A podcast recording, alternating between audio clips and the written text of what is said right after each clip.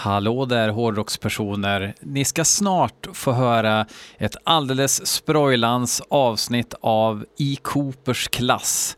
Eh, men innan ni lyssnar så behöver jag göra en disclaimer och det är att vi hade stora problem med ljudet och tekniken den här gången. Så Christian, han hackar och har sig. Ehm, det är vad det är. Det är inte optimalt. Det är till och med ganska trist. Men eh, han säger så fantastiskt bra saker och eh, vi tror inte att vi skulle kunna säga bättre saker om vi spelar in det en gång till. Så att eh, eh what you hear is what you get. Ehm, man vänjer sig, som Kjell Höglund sa. Eh, då kör vi. Hoppla, dags för i Coopers klass. Och jag kunde väl inte för mitt liv tro att vi skulle någon gång prata om något annat än eh, Alice Coopers eh, studioalbum.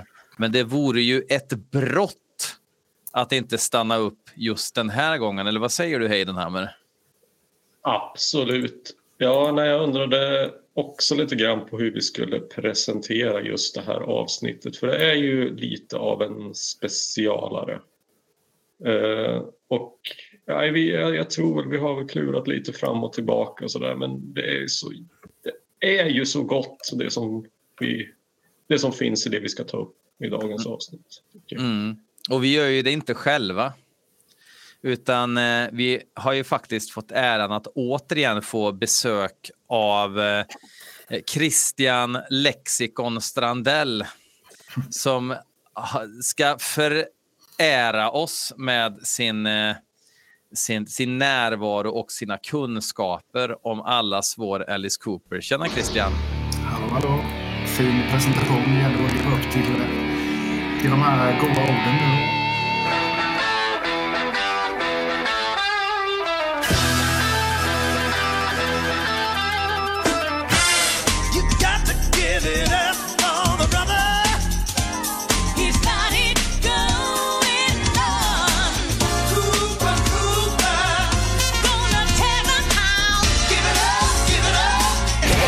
Gonna break it down. Det tycker jag du har gjort i chatten redan, så att det är liksom, du har inget att bevisa längre, utan vi kan bara gå i god för att du kan din skit. Jag tror det, efter 31 års uh, ingående studerande. ja, alltså det här är ju alltså en samlingsbox eh, om fyra CD-skivor finns inte på vinyl eh, då den släpptes 1999. Um, ehm, och um, saker släpptes väl på vinyl då, men det var inte många som köpte vinylboxar 1999. Uh, eh, tror jag. jag. Säger du, Hayden? Nej, jag tänker väl närmast på ja, Doors box. Uh, Doors kom ut med en liknande grej om det var 98. 97 tror jag.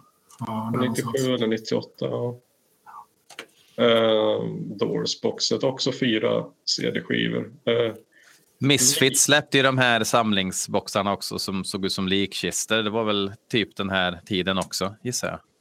Mm. Uh, bara på CD. Jag tänker också på någon, jag är ju ingen, inget större fan av Aerosmith, men de släppte väl någon som de kallade Pandoras box. Alltså det var några år tidigare, mm. 93, 94 kanske. Just det. Mm. Det kom lite andra, Tom Petty and the Heartbreakers och The Who. Uh, Led Zeppelin-boxen var några år tidigare, den kom 90 tror jag. Men... Mm. Sen någon Beatles box när de, Nej, det måste vara tidigare när de släppte den här Free as a Bird, hette väl, bird. som var någon sorts... Uh, fast det kanske var tidigare. Ja, det var den här Anthology du tänker på. Ja, precis. Mm. Ja. Och, och då yes. har vi också pratat om hur ska vi attackera det här då? Um, givetvis ska vi inte snacka om varenda låt som finns på den här boxen för att eh, ja, det kanske man hade kunnat göra, men, men vi orkar inte helt enkelt, utan vi har valt att, att fokusera, nämna kanske alla låtar som inte finns med på studioalbum men stanna upp lite extra vid det som vi kanske skulle kunna kalla för några sorts rare unreleased tracks. Ja, men precis. Det finns ju trots allt lite godbitar som inte var ute i omlopp innan här.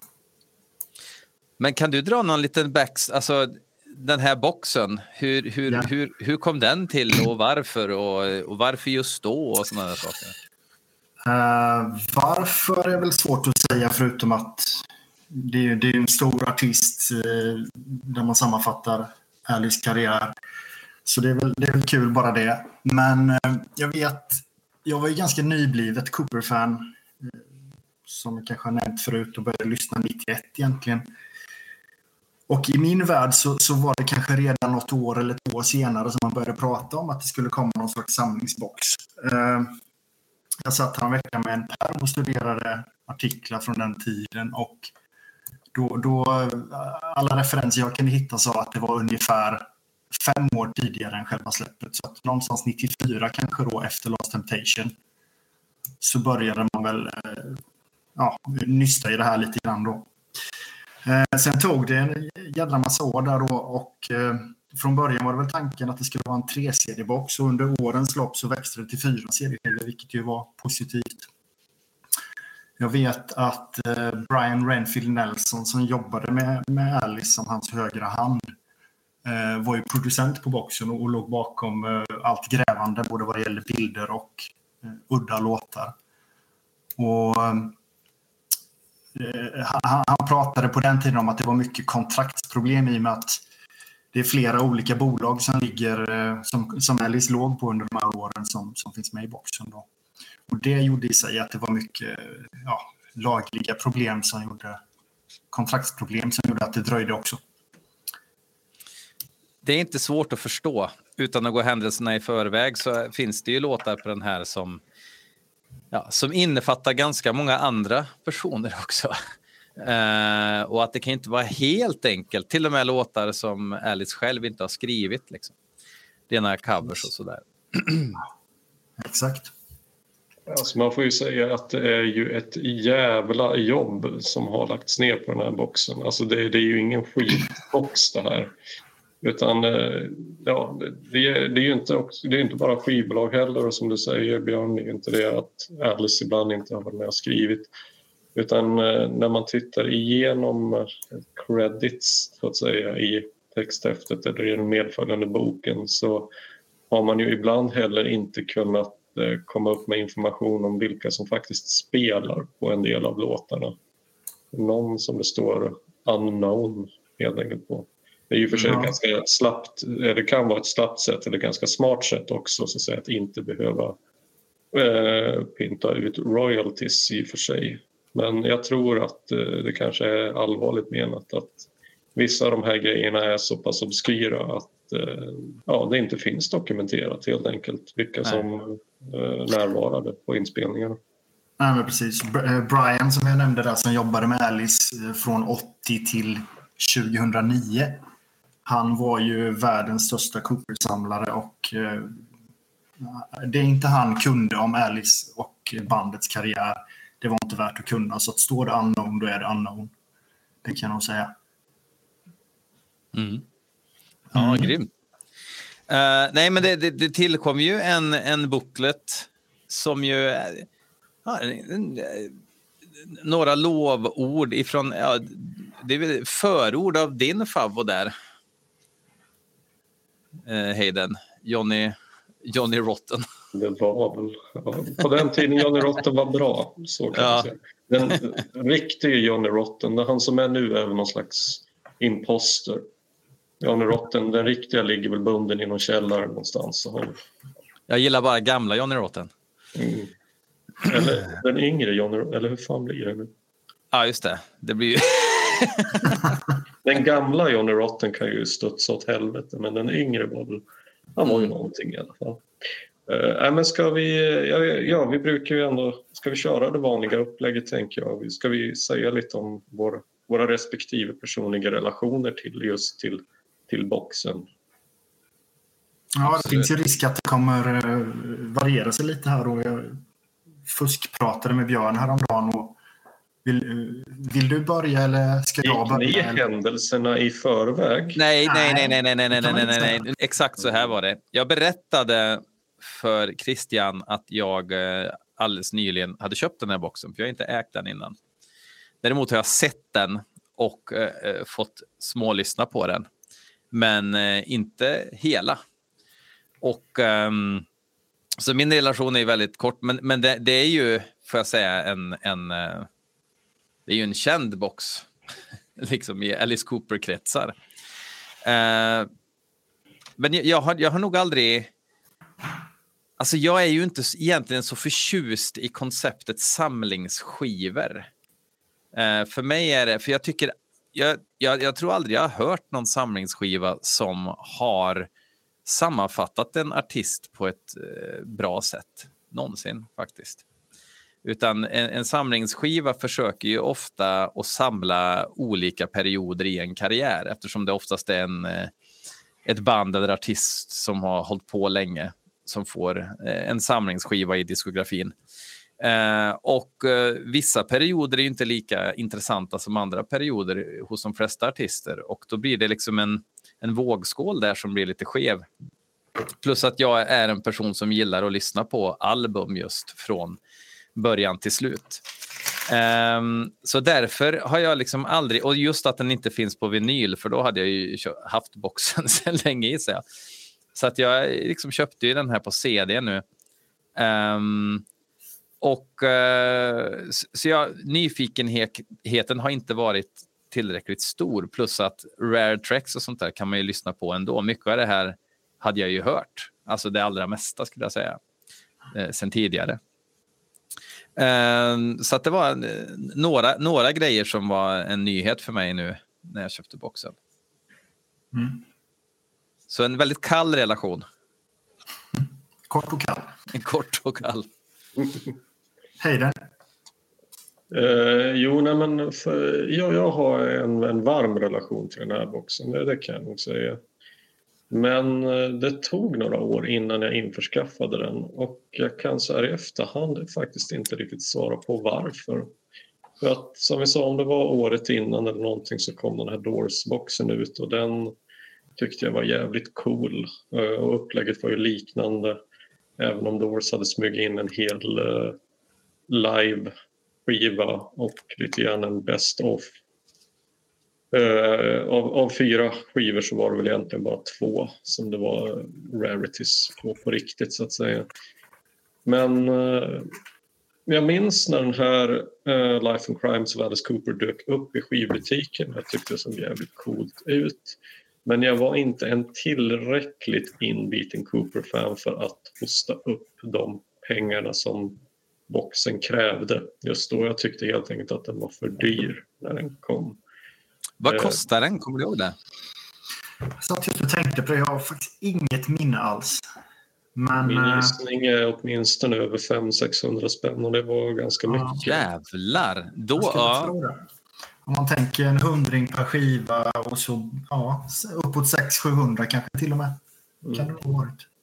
Jävlar!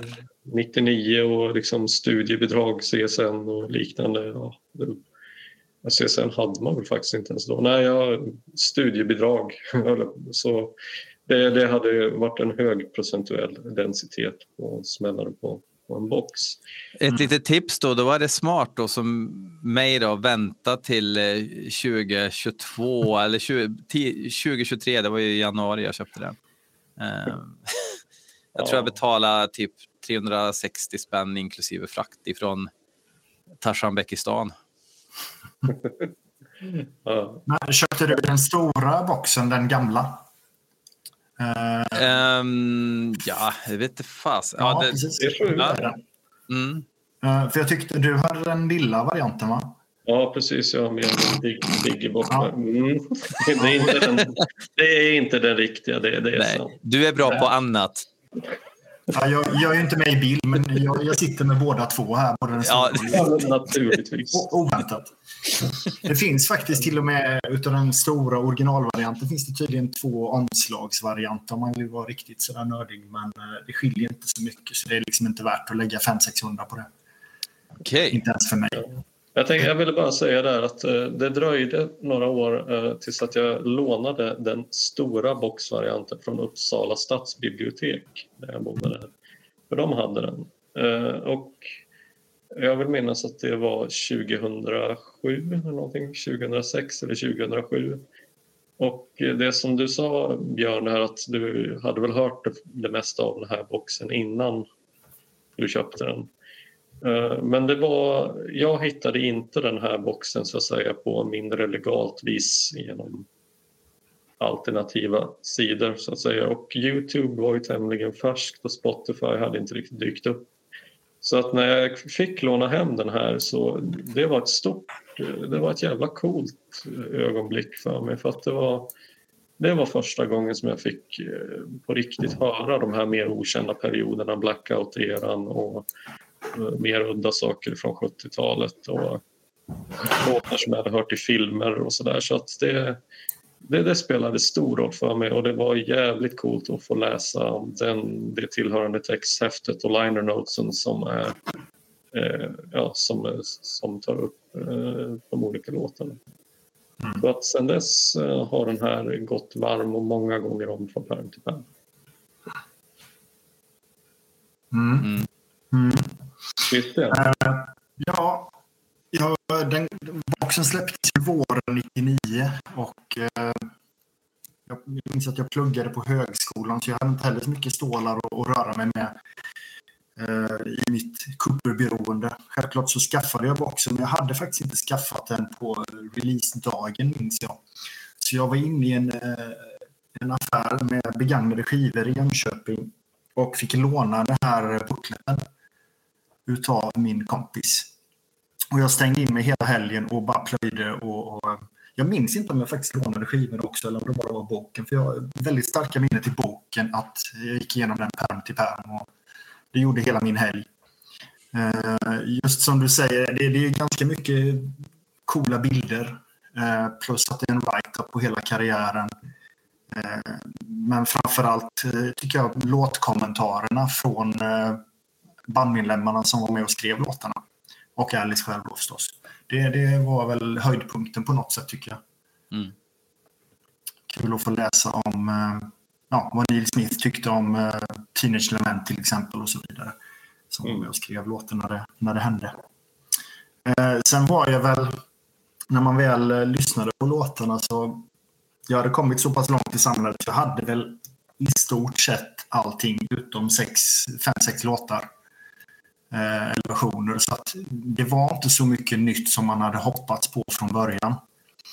När man sen har läst lite om eh, arbetet med boxen som pågick som sagt i uppåt fem år så är det två saker. Man tänker på det att Brian Nelson ska ha letat upp runt 400 spår som sen Alice valde ifrån.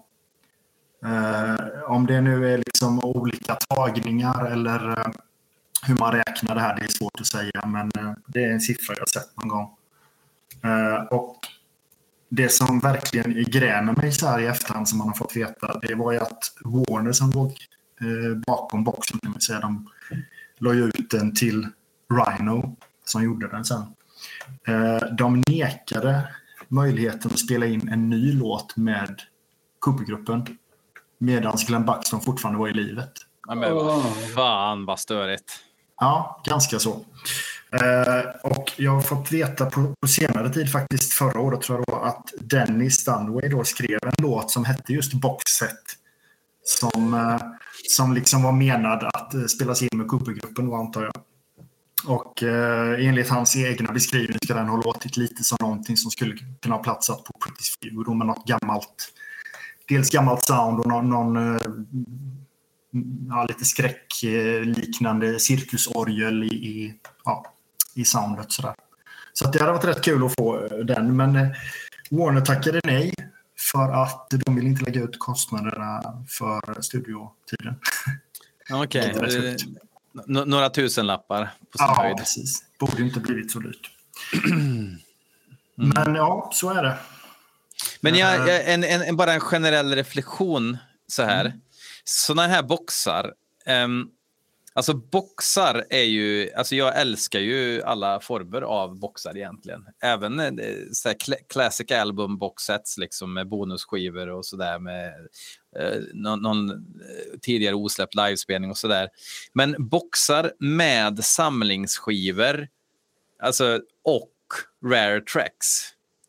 Vad är de, vilka är målgruppen generellt för sådana boxar?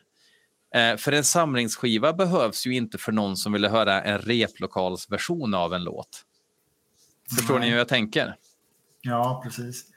Det, det, det, är väl som vad ska jag säga, storsamlare och kompletist så är jag ju liksom på den sidan att jag tycker det är för mycket albumspår på boxen som helhet. Uh, och det är väl det du är ute efter, att det är lite ja. för mycket samlingsplatta. Ja. Samtidigt kan man ju kanske inte lägga upp fyra diskar med outgivna outgivna spår. Eh, liksom, det, det, skulle också bli för mastigt. Vem skulle köpa den? Ja, då är, det, då är du nere på kanske några hundra eller tusen personer kanske. Jag vet inte. Mm. Men, men det gäller att hitta mixen där. Man måste ju ha med lite kända låtar, eh, lite hitlåtar och så. Men man kan ju göra så att man släpper dem i liveversioner eller, eller andra tagningar och så. Men det valde man ju oftast inte att göra här. För jag tänker någon som inte redan är insyltad i diskografin köper ju ändå inte samlingsskivor. Liksom. Men ja. Nej. Alltså, in, ja. Jag ska inte gå några händelser i förväg här för jag, jag håller inne på min åsikt om om jag tycker att detta är en bra samling eller ett bra projekt eller inte. Men jag, jag har saker att säga när vi väl närmar oss betygssättning och slut. Mm. Mm. Nu har vi alltså ungefär en timme och tio minuter på oss att gå igenom, och gå igenom det här. Uh, vi har gett oss lite extra tid idag faktiskt, men tiden har ju redan börjat springa iväg. Så att, uh, och vi börjar då med disk 1. Det är som sagt fyra disks. Mm. Så öppnar vi ju här från uh, med The Spiders sjuan är det väl egentligen.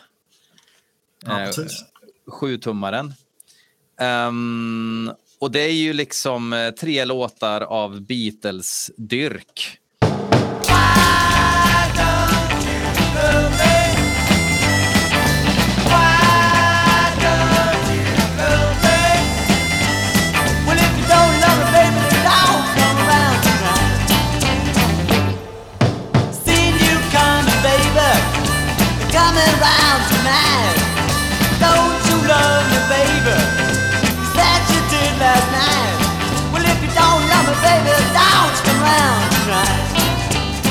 Eh, Don't blow your mind, Hitchhike och Why don't you love me. Um, ja, det, det, är ju, det är ju professionella inspelningar. Eh, låter eh, liksom som musik lät under den här eran av 60-talet. Um, ehm, ganska absolut inte dåligt, men eh, som, som, en Wish-kopia av Beatles. Liksom. Nej, men det är ju kul kuriosa det här, men eh, de skiljer ju sig lite eh, åt från varandra de här låtarna. Eh, Don't blow your mind som är de första då. Eh, jag vet inte, Beatles har aldrig varit min grej men jag, jag, jag gillar det här typ. Alltså det kanske blev bättre när fans av Beatles gjorde egna Beatles-låtar trots att de egentligen inte kunde spela. Lite kul tempoökning i mitten och det är väldigt stapplande instrumenthantering tid till annan och det är ju otajt och lite skorrande toner men eh, ja. Samtidigt så vet jag, jag hade väl aldrig lyssnat på det här om det inte hade varit för att det var Alice Cooper då. Så, så mycket kan man säga. Nej, precis. Uh, Don't Blow Your Mind var ju egentligen ja, första utgivna låten som man skrev själv. Så det är kul mm. på det sättet då. Hitchhike och Why Don't You Love Me är ju covers. Som ni säkert har läst er till. Vad sa du? Eh, jag tänkte att den här Why Don't You Love Me var, det är en cover men var inte ja. tänkt att vara en cover för de snodde väl den helt enkelt av ett annat band och hoppades att ingen skulle märka det för att den var så obskyr. Ja, men nästan så. Den var med i en film som handlar lite om uh, Liverpool-musik. Som kom, tror jag, 64 eller något sånt där. Så den, den var utgiven av uh, Blackwells, tror jag bandet hette. Mm, precis. Uh, men som du säger, de snodde det väl. Och tank, tanken var väl att liksom, den här är så pass okänd att vi kanske kan bli kända med den. Lite så. Men Don't Blow Your Mind tycker jag ändå utmärker sig lite mer. Att det är lite längre fram i karriären, lite utvecklat eh, på det sättet att man, man går det här lite mer psykedeliska fotspåren och, och det är lite mer garagekänsla där tycker jag. Ja, det håller jag helt med mm. Uh, och likadant Lay Down and Die Goodbye som är den fjärde låten av uh, The Nas som då hette vid den tiden är också väldigt mycket psykedeliska utsvävningar. Den är ju väldigt annorlunda. Där tycker jag att, där, där gillar jag ju det faktum att de också har bytt namn för att det låter ju som ett hel, en helt annan grej än Spiders. Mm. Jag tänkte den här Hitchhike, eh, ja det är ju Beatles men jag tycker egentligen det är väl mer surfmusik än vad det är, eh, vad det Beatles. Eh, gillar solot eller vad man nu kan kalla det. Och det är väl ursprungligen en Marvin Gaye-låt men jag måste erkänna att jag har inte hört originalet. Uh, Sen, uh, Sp Spiders gjorde ju den för att Stones hade kört en version på den ja, också. De var ju stora Stones-fan.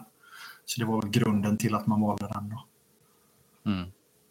Har, har, ni hört uh, de här övriga två spåren som, som inte är med från Spiders och Nas-eran som uh, ligger med på den här uh, senare boxen som kom uh, eh, 2011, Old School? Nej, det har jag Nej, inte. inte jag heller. För där finns det ju då en låt som heter No Price Tag som är B-sidan på Don't Blow Your Mind. där Cooper skriker på rätt bra, eller ylar på.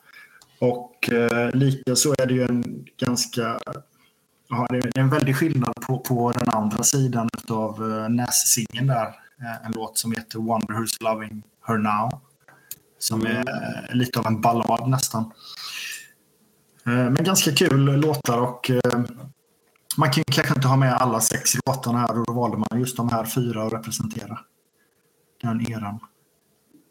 Men hade, Christian, du som har hört de här två andra, är det en bra representation man har gjort här eller tycker du att någon av de här två du nämnde nu, hade någon av dem varit bättre än de som återfinns på Life and Crimes? Jag kan väl tycka man, man, man har två covers. Man kunde tagit No Price istället för att ta coverlåtarna kanske. Mm. Uh, sen tycker jag ju det roligare med eh, variationen. Så jag kan väl tycka att eh, Wonder Who's Loving Her Now kunde väl ha fått vara med. Lay Down and Die Goodbye är ingen jättebra låt tycker jag inte egentligen. Den, den är lite spacad och man är inne i Glenn Buxton-land med fast-gitarrer och så vidare. Men jag tycker nog den andra låten är ju mer intressant faktiskt. Det var ju Yardbirds som var någon sorts förlaga för dem där. Att de mm. var sjukt innördade. Det var väl under den här tiden de spelade förband till Yardbirds också. Mm. Mm. Precis. Mm. Jag, jag måste säga att jag tycker verkligen om Lay Down and Die Goodbye. Men så här, jag har egentligen aldrig hört Yardbirds för att vara ärlig. Så att jag vet inte om det här bara är en ganska dålig pastisch som är väldigt oegen. Men icke desto mindre så tycker jag att det, det, är någonting i den här inspelningen som jag tycker låter ondskefull, sorgsen och kul på samma gång. Att det här, jag tycker det här känns det eh, även om de inte har nått ända fram med ljudet och hur de skulle låta så är det som att Ingrid, man känner på något vis att ingredienserna börjar kokas ihop till någonting mm. vad jag skulle kalla för Alice Cooper-aktigt. Där. Ja, men det är sant. Man ser ju mm. utvecklingen från 65 till 67 att det händer saker hela tiden. Mm.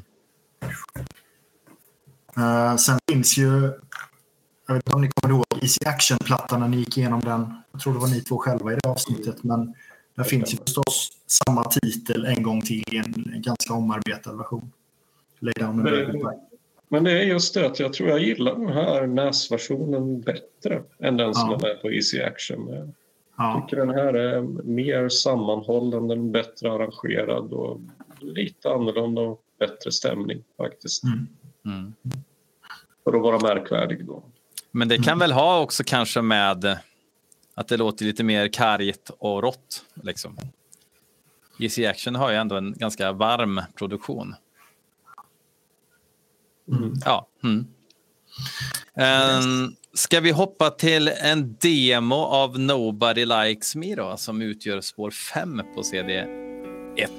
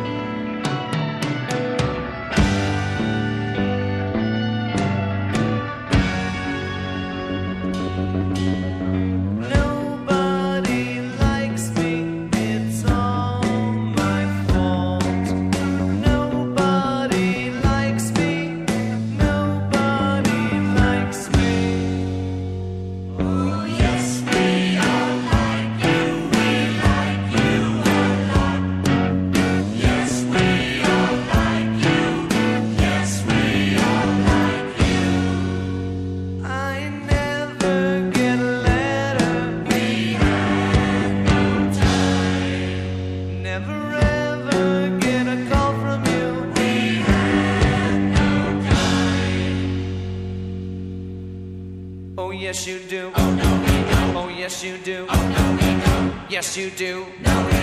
Yes, you do. No, we don't. Yes. No. Yes. No. Yes. Yes. Yes. Yes. Yes. yes.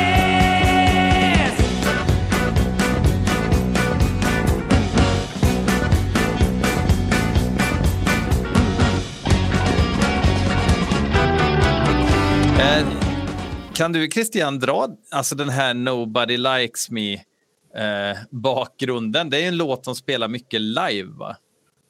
Ja, precis. Den var ju alltid med eh, ja, ända fram till 70 faktiskt. Eh, mm. De flesta, ja, det finns ju inte så mycket konserter i omlopp som man kan lyssna på, men de som finns så, så spelar de alltid den. Eh, det är ju Dennis Dunaway på något sätt som har kommit på grunden. Och det bygger lite på det här att ingen tyckte om Alice Cooper-gruppen i början.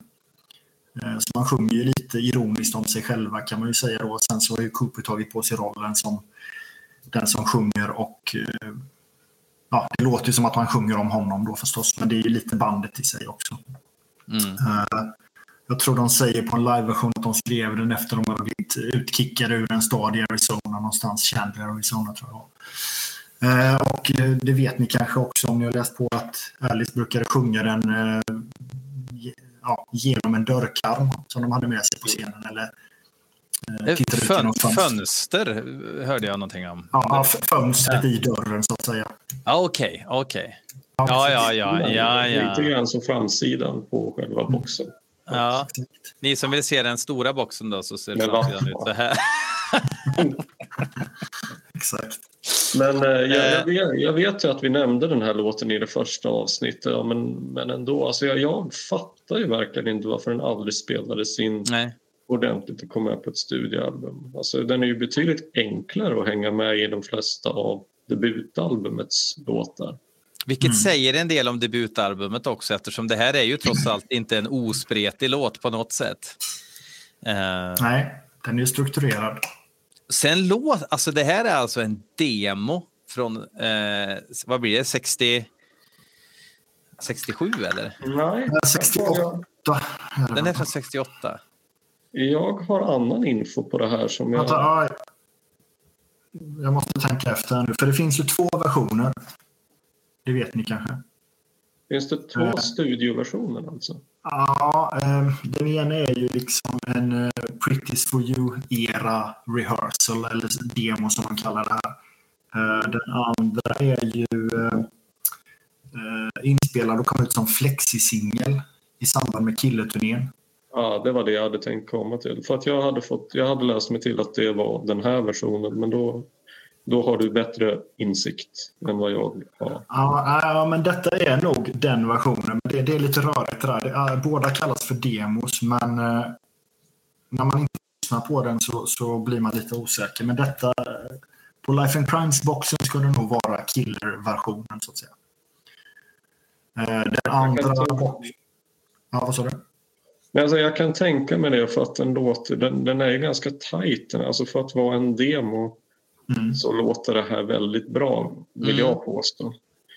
Men är den inte kronologiskt lite märklig då, då, att de sätter den som nummer fem om den är inspelad vid Killer-sessionerna? Mm, precis. Eh, det, det, är väl eh, att den egentligen härrör från 68. Ja. Mm. ja.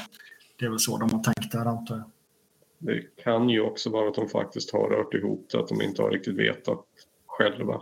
Alltså... I och med att de kallar den för demo på Life and Crimes-boxen och även för demo på den andra boxen Old School så blir det ju lite rörigt som sagt. Mm. Men då kanske du kan förklara också det här med studio version av Levity Ball, låt ja. nummer sex.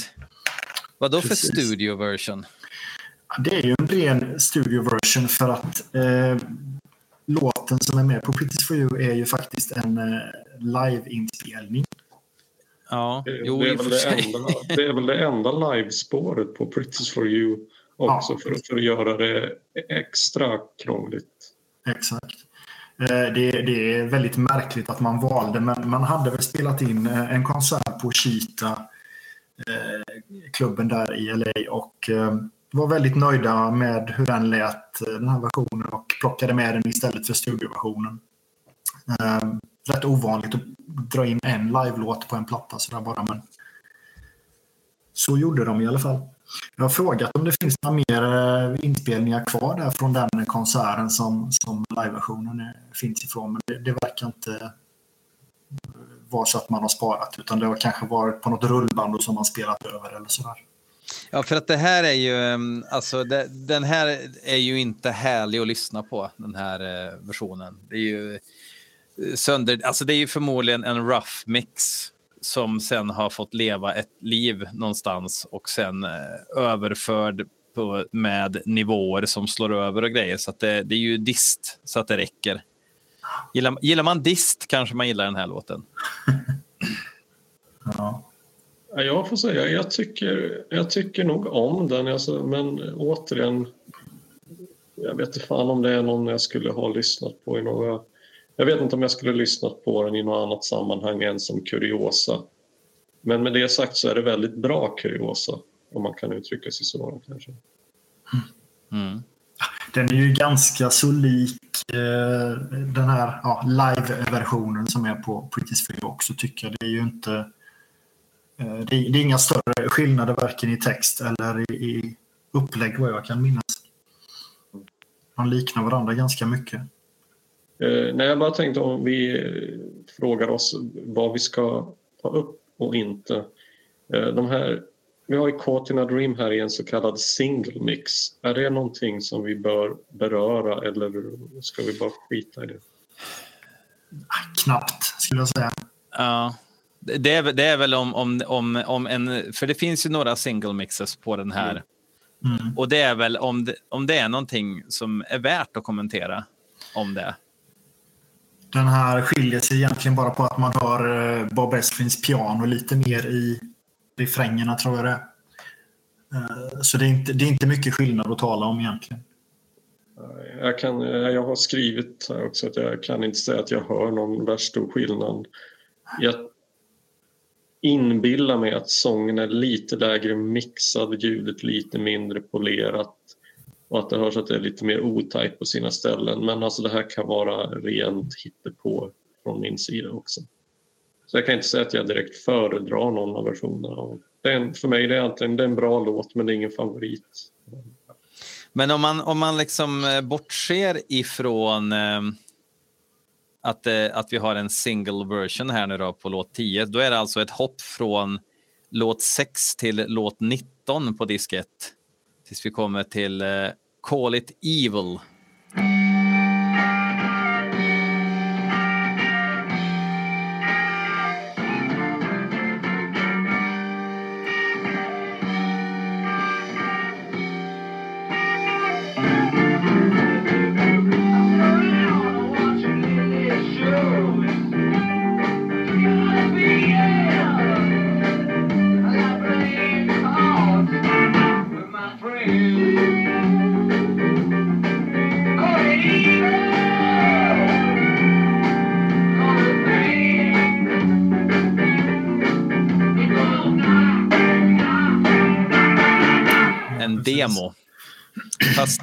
Är väl det är väl en rehearsal snarare än en demo. Ja, men precis. Ehm, alla de här som kallas för demo på eh, ACG-eran, alltså 69 till 73 här då, eh, är ju... Jag kom i kontakt med de här tejperna någon gång 96, 97. Eh, det finns ju rehearsal sessions från Critics for You, Love It To Death, Killer, Schools Out och Muscle Love. Så alla de här som det står demo på här uh, härrör ju därifrån. Mm. Ja. Det som är speciellt med Call It Evil är väl att ingen i bandet överhuvudtaget har något rimligt minne av vem eller var, varför de skrev låten ens. Eh, mer än att det var under Schools Out sessionen, repen inför Schools Out, har jag skrivit här. Jag vet inte vart jag läste det. Ja, jag har läst på ett annat håll att det här egentligen skulle härröra ifrån 1971 och att den var avsedd för Killer, men jag vet inte. Det, jag, jag vet inte om det går att tro på. Så att kan... Nej, den, den, den figurerar på Schools Out Session Rehearsal-tejpen så att det är nog där den kom, den spelades in någon gång våren 72 eller möjligen sent 71 men inte innan Killer i alla fall. Jag tycker nästan att det hörs därför att det låter ju väldigt mycket mer som någonting överblivet från Schools Out snarare än, ja. än tidigare. Alltså det har ju den här, den är ju bluesig, den, jag får lite samma känsla som av Blue Turk och däromkring. Ja. Mm, absolut. Eh, det är ju, jag, jag tycker det är synd att den är så pass eh, den känns lite ofärdig tycker jag och jag har alltid liksom på något sätt haft en känsla av att det är mer av en järn som man inte arbetade klart utan man stannar. Ja, vi, vi, vi lägger den åt sidan och går vidare och sen så råkar den bli inspelad vid något tillfälle och så ser man den som en outgiven låt och ja, det kan man ju kalla den men jag tycker den känns fortfarande lite ofärdig som sagt. Jo, men det är den ju alldeles säkert. Mm. Men eh, absolut kul kuriosa ändå att ha med. Att mm. så här kunde det låta när vi jobbar fram en låt. Liksom. Ja, men precis. Och det var såna här inspelningar vi lyssnade på på varsitt håll efter att vi hade repat och så, eventuellt. Ja, jag tänker att den här hade nog kunnat bli något om de hade jobbat på den längre men samtidigt jag kan väl förstå att den lämnades där här. Men den har någonting eget tycker jag med den här tjutande orgeln som ligger lite otajt och piper där av och till. Och sen är det bara jag som verkligen kan höra Glenn Danzig göra en cover på den här och sjunga Ja, alltså titeln är ju redan fixad till Danzig. Mm. ja. um, däremot om, om Danzig idag skulle spela in en cover på den här så skulle den här versionen låta bättre rent ljudmässigt. Så, Då är det ju definitivt, men ja. man kan väl få drömma. Ja, det kan man. Exakt. Jag tror det är dags vi... att hoppa till CD2 va? Jag tänkte bara om jag får flika emellan med... Eller ska vi sammanfatta disk för disk är det tänkt eller ska vi köra hela boxen på en gång? Det har ni inte tänkt på? Nej, har inte jag tänkt på. Nej. Um... Jag tycker vi tar hela boxen på en gång. Ja. ja. Kan man få säga någonting eh, som ändå reflekterar över att jag tycker man saknar Fields of Regret från Pretty for You som var en av de första låtarna där, där Dennis Dunaway har nämnt att Alice hittade sin personlighet, scenpersonligheten med det här lite skräcktemat eh, och, och han förvrängde rösten och gick in i en roll. och så. Den hade jag gärna velat ha med på diskett faktiskt. Sen tycker jag också att Schools Out är lite underrepresenterad som platta. Det är singeln och B-sidan. Sen är det den här kollektiv. Jag hade gärna sett att man hade plockat med kanske någon mer låt. Till exempel Blue Turk för att få med mm. Glenn Buxtons jazziga influenser och så vidare. Ja, det är sant. Det är faktiskt lite skumt varför han valde att göra så. Det finns ju mycket gött på School South. Det är ju helt klart. Ja. Sen är ju Love It To Death och Kill är ju egentligen lite överrepresenterade jämfört med de andra albumen. Det är klart. Det, det, det är större, större album med mer singlar och sådär. Men eh, Billion Dollar Babies har ju ändå fem låtar. Ja, precis. Jo, men nästa disk är ju... Ja, okej. Okay. Ja, du tänker bara diskett såklart. Ja, ja. precis. precis. Mm. Kan man nämna att det finns ju en outgiven låt som heter Schools Back In. Eh, som är skriven någon gång efter eh, Schools Out-plattan då förstås. Och eh, leker lite med Schools Out-titeln. Mm. Den, eh, den ska till och med vara eh, på gång att kanske ges, ges ut någon gång när det kommer en remastered box. Eh, eller en remastered version på Schools Out. Så den ser man fram emot lite grann. Sen, mm. Sen finns det även en låt med Neil Smith på sång från Muscle of Love som heter Baby Please Don't Stop. Hmm. Uh, annars, annars, är det inte mycket som finns från de här åren som man kan gräva fram. Så att, uh, de har väl gjort ett ganska bra jobb överlag ändå på, på den disken. Ja, det tycker jag man får säga. Jag menar, det, är ändå, det är ändå 21 låtar. Jag menar, det är, tycker det är bra antal. Precis. Absolut, absolut. Och, mm. um, och, och godkända val av album Cuts också, någonstans kan jag tycka. Mm. Men jag, jag, håller med, Blue Turk eller någonting hade varit intressant att ha med. Jag tror det finns lite mm. utrymme på disken. Jag vet inte om den är, den är väl liksom inte 79-80 minuter. Man kunde klämt in en låt till så hade, man, hade vi kunnat hålla käften här idag. Liksom, om det. Ja. Men det gjorde de inte. Nej, och det fick de fan för. Ja, precis. Mm. yes. Eh, disk 2, nu, nu hamnar vi Billion Dollar Babies-eran eh, och, och hinner stanna till eh, efter Go, Goes to Hell. Um, vi öppnar då med fem Billion Dollar Babies-låtar, eh, som sagt. Sen så låt nummer sex, Slick Black Limousine.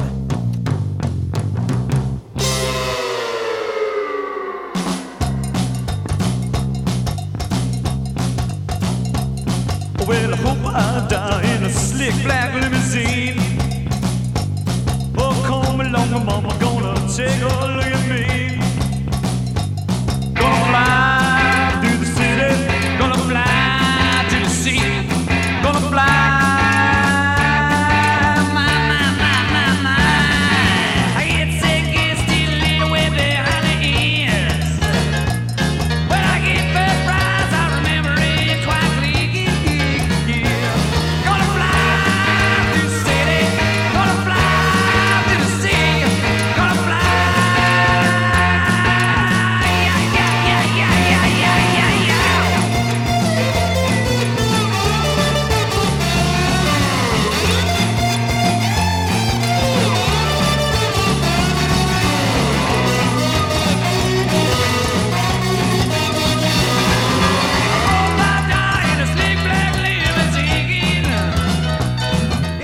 Jag liksom för, försökte liksom fundera över vad är det för genre det här liksom, men det är någon sorts show showmusik med rockgitarrer. Alltså det är väl en rätt kul Elvis-pastisch och som är en basgång som faktiskt hade kunnat utgöra grundstommen för världens bästa poplåt enligt en tidigare gäst, I better be good på Zipper Catch Skin. Mm. Så är det ju mängder med temposkiften Kanske mm. mer kul än riktigt bra, men det är någonting mm. här som jag ändå gillar. Exakt. Ja, men det, det sammanfattar rätt bra. Mer rolig än bra, men eh, jag vet inte. Dennis är ju upphovsmannen här till den här låten om jag minns rätt. Och jag tror han nämner till och med i boxen någonting om att de var influerade av Stockhausen och det här eh, slutet på låten är ganska så kaotiskt. Och, och personligen kunde jag nog varit utan det. Det hade nog blivit en bättre låt om man hade klippt lite tidigare kanske. Mm, precis det har jag också skrivit. Ja. Jag tycker inte att det är, alltså det pseudopsykadeliska kan man väl kalla det partiet tillför egentligen någonting. Jag mm. menar, ska det vara Stockhausen eller psykedelia och konstigt oväsen, men då får man fan göra det på riktigt. Det här känns mest bara ska det vara oväsen ska det vara bra oväsen och det tycker inte jag det riktigt är slutet där. Men vad var syftet med den här låten då? Var kommer den ifrån? Uh, ja, den släpptes ju på en flexisingel uh, i februari 73. Uh, eh, som ett litet tack till, uh, till engelsmännen. För den kom som flexisingel med eh, musiktidningen New Musical Express. Så den var ju eh, lite svår att få tag på för den dök bara upp i England i, jag har hört någonstans 300 000 exemplar eller något sånt där. Mm. Uh, så det var ju lite av en raritet, i, åtminstone i kanske 15-20 år innan den dök upp. Uh, och var lite mer lättillgänglig sen. Men jag undrar ju lite grann att om man gör en sån här låt och så släpper man den som, som en ultrararitet. Är det, ju, ju äldre jag har blivit, ju mer cynisk har jag blivit. Och mer spontant så tänker jag att ja, men det här var en jävla olåt som de släppte för så, alltså bara spes iväg för sakens skull. Eller fanns det någon djupare tanke med den här? Kan det vara någonting annat än en bara throwaway bit? Är det en riktig låt? Det är nog det jag försöker komma fram till. Mm. Jo, men det är det väl och den, den var väl påtänkt för att komma med på Billion Dollar Babies till och med. Uh, om man går in på djupet, det finns inte så mycket udda grejer från just Billion Dollar Babies-plattan men uh, den remasterade versionen som kom 2001 har ju en bonusdisk uh, med livespår och sen finns det även två stycken ja, outtakes då. En på Generation Landslide som heter Sounds of Billion Dollar Babies. Och eh, sen är det en annan version på den här Slickback Limousine. Mm -hmm. Som jag tror heter Cold Black Model T. Så att det var någonting de, det var någonting de repade och eh, potentiellt kunde tagit med på Billion Dollar Babies men det passade väl inte in i koncepttänket riktigt. Mm. Men det hade varit kul och, och om de hade kunnat haft med någon, någon av de här alternativa mixarna till Billion Dollar Babies som kom på two track eh, ah. tape. Hade de ju kunnat tagit någon version så att man fick höra hur det låter. Det finns ju såklart nu då, men jag tänker mm. 1999. Mm. Ja, men precis. Det, det finns ju Rape and Freezing är väl kanske en av de som skiljer sig mest då. Eh, där man hör lite inspelat ljud från publiken på en mexikansk eh, tjurfäktningsarena eller vad det ska vara. Eh, till exempel. Men, båda de här quadramixarna som kom på Billion och Muscle, de låter inte så jätteolika faktiskt, måste jag säga. Nej. Billion är lite roligare, men, men överlag är det lite sådär... Men, men jag håller med, man kunde ju tagit med någon som skilde sig lite mer istället för att ta med fem albumspår. Mm. Det, är ju, det är ju halva skivan. Ja, precis. Så ja, nej, jag, ja, men jag, jag tycker det är overkill. Och sen är det väl i och för sig att Elected är single version men jag tror inte att det är, det är väl ingen skillnad. Här kunde de ju haft med den, alltså Bruce Dickinson och eh, Mr Bean. Mr. Bean. uh, ja. Selling point. Mm, verkligen. Men sen hoppar vi vidare till Muscle of Love-eran och Respect for the Sleepers som ju mm. är förlagan till Muscle of Love-låten helt enkelt.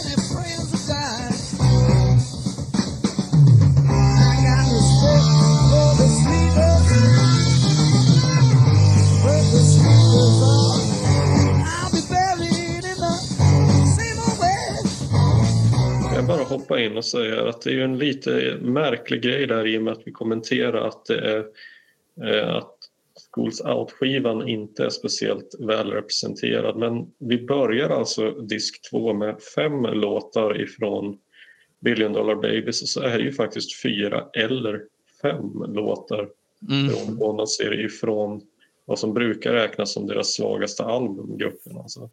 Yeah. Och en av låtarna är Working Up a Sweat. Oh, känns inte bra.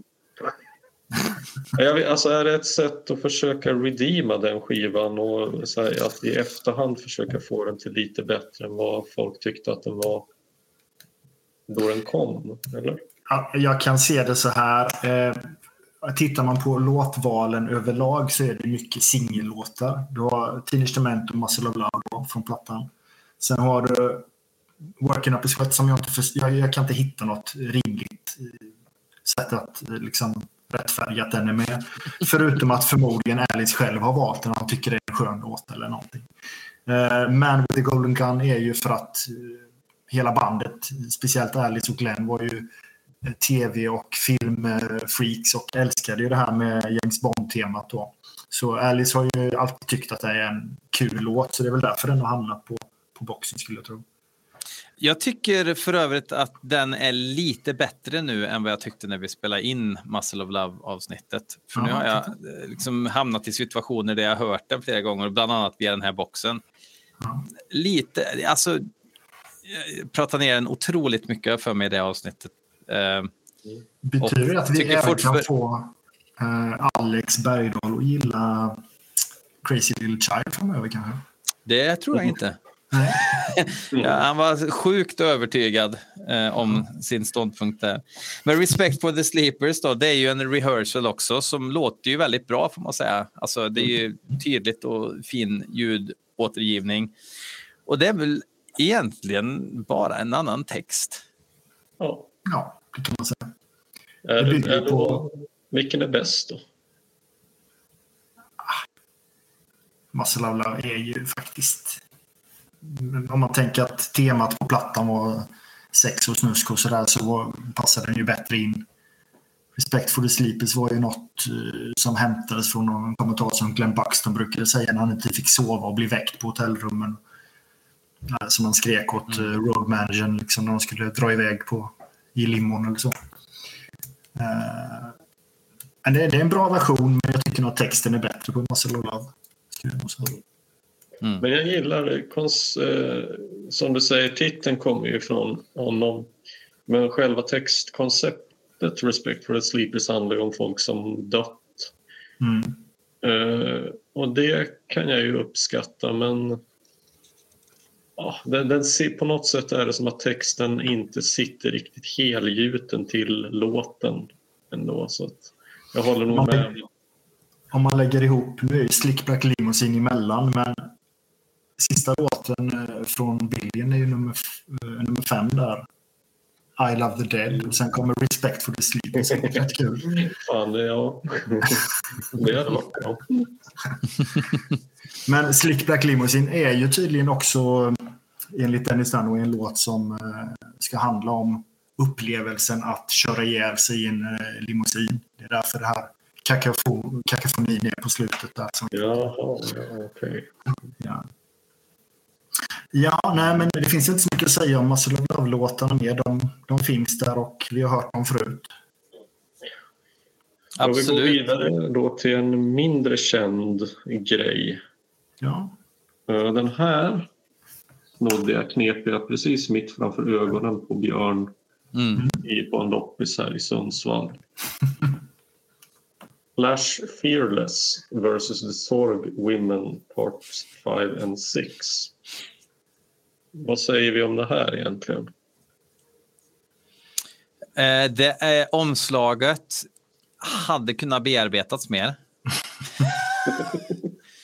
För er som är Patreon så kunde ni få se när eh, Hayden höll upp vinylen då som han snodde framför mina ögon på en loppis.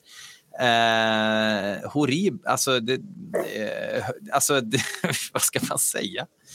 Vi tar Jag det har, ju sett, jag har ju sett snyggare grejer i årskurs 5 bildsal på skolan. Liksom. Ehm, ja, bedrövlig. Fick du med eh, serietidningen inuti också? Nej, dessvärre inte. Så att det är ju verkligen... eh, Det är ju ganska jävla menlöst det här. Alltså det, det är alltså ett försök att göra ett en musikkoncept av en serietidning som skrivits enbart för ändamålet att göra musik av, Ja, vad jag typ. förstår. Det, är lite som när man gjorde He-Man-figurer först och skrev serierna till dem. Mm. det stora mysteriet är vart tog del 1, 2, 3 och 4 vägen? Ja. Det är det ingen som vet. Nej, jag, har, jag, har ju sett, jag har ju sett den här serietidningen eh, inskannad och sådär och den är ju verkligen inte mycket att hurra för heller. Jag skulle säga att den är inte ens kul, alltså för det är, det är ingen kul parodi som det är väl tänkt att vara. Det ska väl egentligen vara Flash Gordon och såklart i en slags humoristisk tappning men eh, jag tycker nog att hela grejen känns mest ganska humorbefriad och jag, jag, har inte, jag har faktiskt inte ens orkat lyssna på hela skivan från perm till perm. Jag har bara brytt mig om Alice-låtarna som jag dessutom inte tycker är så jävla bra. Och det är ju I'm Flash och Space Pirates. Och det är därför de är ju med på disk 2, eh, spår 12, 13 till just det här Flash Fearless versus The Sorg Women, som du sa.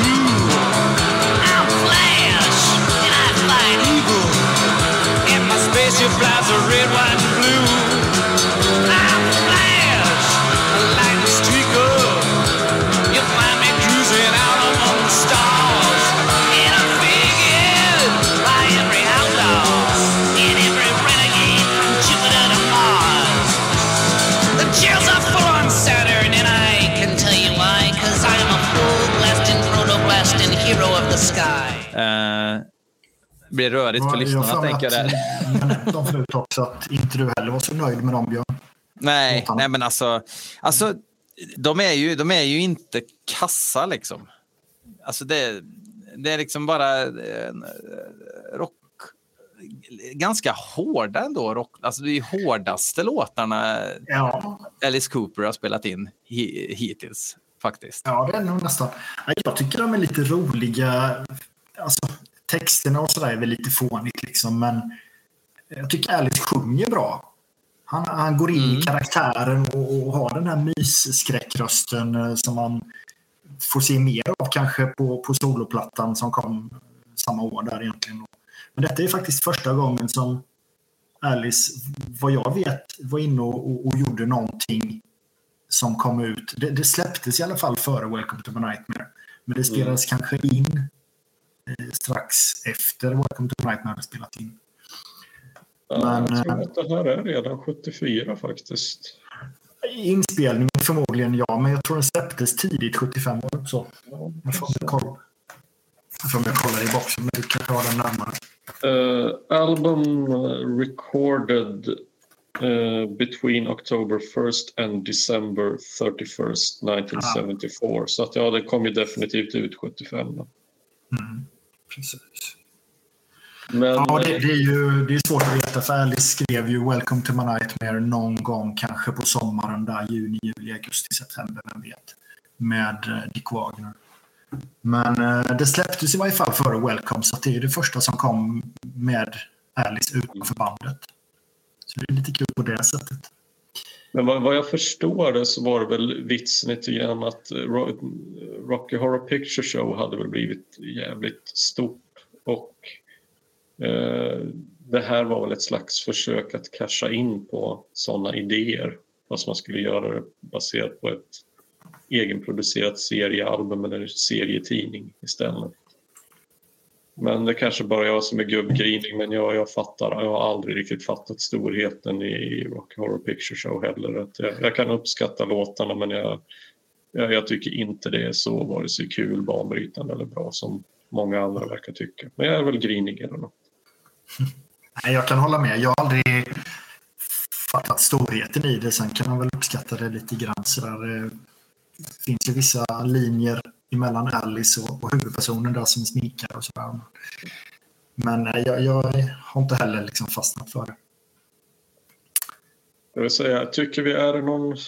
Personligen så tycker jag väl inte att det är någon så här jättestor skillnad mellan de här två låtarna som Alice medverkar på. Nej, det är ju samma stuk är det ju på, på bägge två. precis. Jag tycker att personligen, jag tror att jag gillar Space Pirates lite mer för jag tycker faktiskt att den påminner lite om Robbie, vad heter han, Robbie Williams, Let Me Entertain You. Alltså, Fast inte riktigt Mm. lika bra. Då.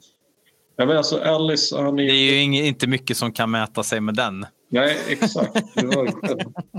Nej, men jag tänker att Alice gör väl vad han kan som duktig röstskådis med ett otroligt mediokert material. Så att jag har ju svårt att Mm. se hur han hade kunnat göra det här bättre. Däremot kan man fråga sig om det här var ett sånt nödvändigt projekt från början.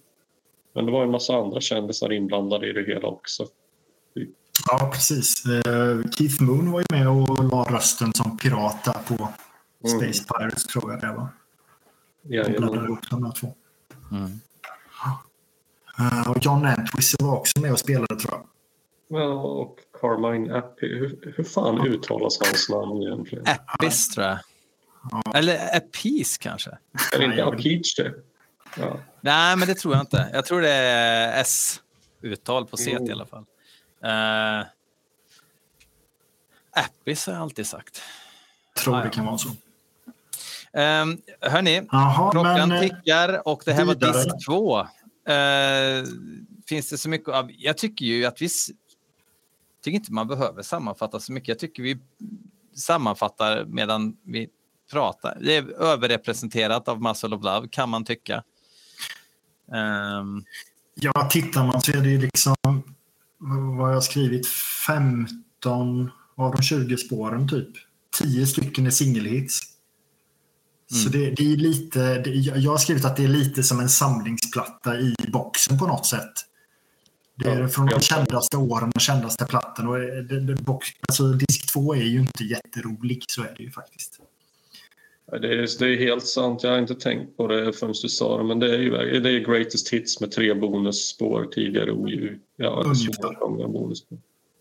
Sen är det ju tyvärr är det de här eh, åren 73, 74, 75, 76 så finns det ju inte jättemycket eh, outgivet. Det var de här låtarna jag nämnde från of Love innan då.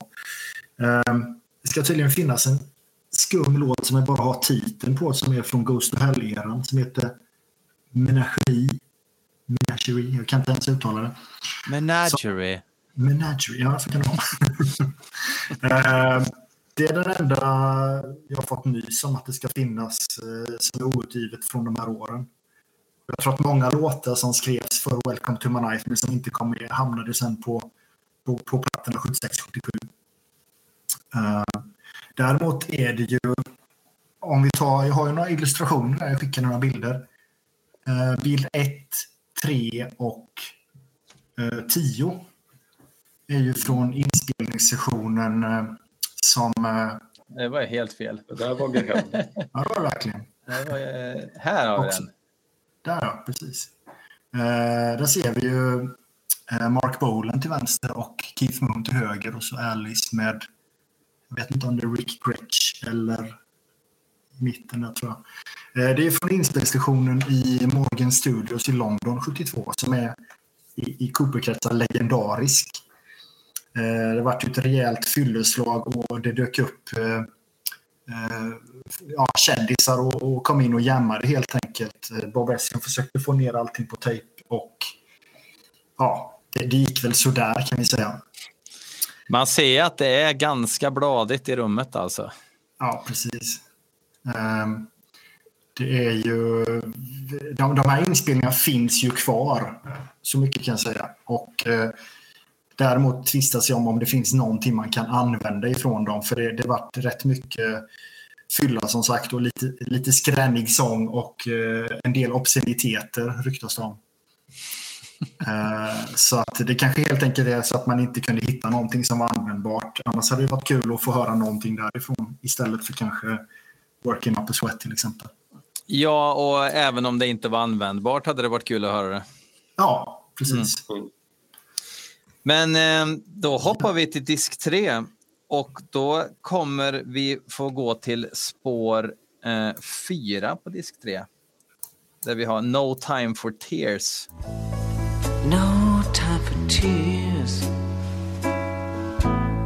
Stars don't have time to cry. No time for tears. He's just another guy who used your heart. But don't forget who you are. You're playing the part. The greatest movie star. Your soul aches. Skriven till filmen Sextett från 1977 som Mae West då, 80 plus, eh, medverkade i på något sätt. Eller, eller skulle medverka, eller hur var det med det där? hon- är med. Hon är med. Ja. Och det är ju en, en, eh, en borgerlig pianoballad, ball- ballad, skulle jag säga. Mm. Den här filmen var väl en tokflopp av Guds nåde vad jag förstår. Absolut. Jag hoppas att ingen av er har sett den. Nej, det har Jag jag har inte. sett den.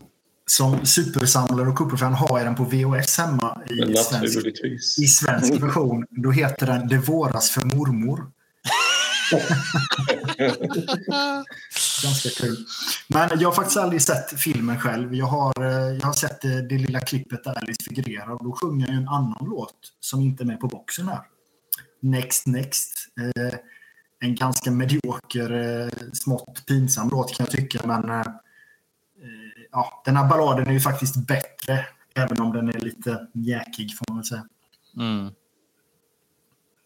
Jag tänker på en annan musikalfilm som också floppade som heter One from the Heart av Francis Ford Coppola som Tom Waits och Crystal Gale gjorde musiken till. Men eh, den hade betydligt bättre låtar än, än vad det här är i mina öron. Eh, alltså jag vet inte, vad säger man om den här sidan av Alice? Alltså jag, ja, antingen gillar man det eller inte men han sjunger ju inte direkt dåligt men nog tycker jag, tycker inte att Alice är en tillräckligt stark klassisk sångare för att verkligen sätta en låt som den här. Men han är ju Nej, inte Sinatra. Det är ju oklart om man behöver sätta en låt som den här överhuvudtaget. För att det är, det är väl ingen som har kul ändå. Liksom. Ehm, det, det, här, det här ligger ganska långt bort ifrån min comfort zone över vad jag liksom kan konsumera i, i större utsträckning.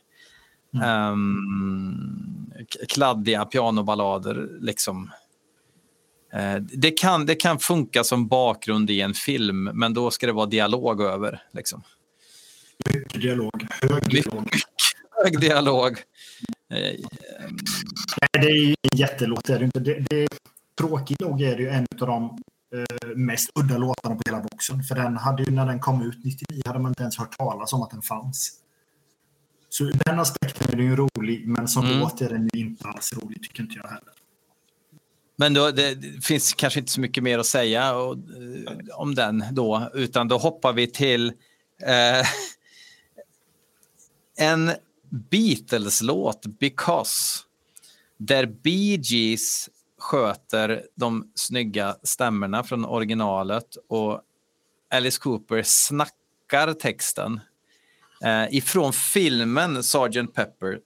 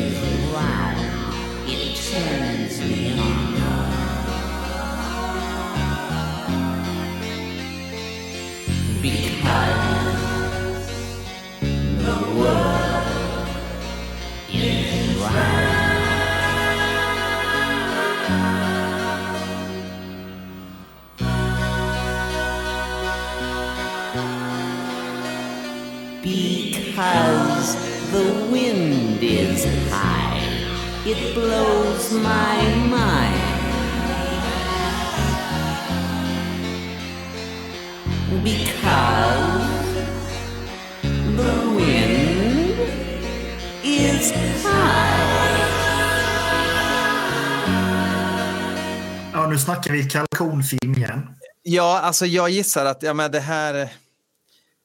Den här har jag ju sett någon gång. För jag hade en, eh, en, eh, ett Beatles um, skov när jag gick i typ i mellanstadiet efter att jag hade lyssnat på just uh, skivan uh, Eh, som Because eh, eh, är med på, Abbey Road. och då hade den på biblioteket typ alla Beatles VHS man kunde tänka sig. Så att då såg jag den här och men det var så jäkla länge sedan jag såg den, men nog var det en psykedelisk historia och jag kan förstå att en sån här låt skulle kunna vara med i den. Uh, men nu tänker jag också på det här med rättighet. Det kan ju inte vara helt enkelt att få rättigheterna till att ha med den här på i boxen. Nej, det tror jag inte. För den här inspelningen har ju Alice Cooper aldrig haft sina vantar på gissar jag, utan det är ju Beatles gäng som har ägt det här. Ja, nu är jag dålig på detta. Jag, jag har faktiskt inte sett denna filmen heller, men jag har bara sett Cooper-klippet. Då. Men är det inte så att hela soundtracket är uh, fyllt med Beatles-låtar, eller fast med olika jo. artister? Jo, jo. så är det. Uh, men jag, jag menar, det, det, var ju en Beatles-produkt. Mm. Ja, det är till och med George Martin som har producerat om jag minns rätt. Vad jag förstår så verkar historien bakom själva projektet roligare än själva låten och filmresultatet. Eller det var att ja, det, det här var väl en råbombflopp, alltså som eh, herregud, ska det, så dåligt ska det ju tydligen vara. Men, men jag, jag, jag måste ändå säga att med tanke på det är ju väldigt många legendariska artister som medverkar på den. Så bara det tror jag gör att man kan se på den eh, med förväntningar att man inte kommer att ha en bra långfilm framför sig. Men kuriosa finns det ju. av Guds nåde. Och det är väl, det här är ju inte egentligen, det är väl ingen, nu är inte jag någon Beatles-fan återigen, men det, ja, alltså det, det, låter ju väldigt alltså rymd 70-tal, eller det är elektronisk cembalo och stämsång, det är lite psykedeliskt.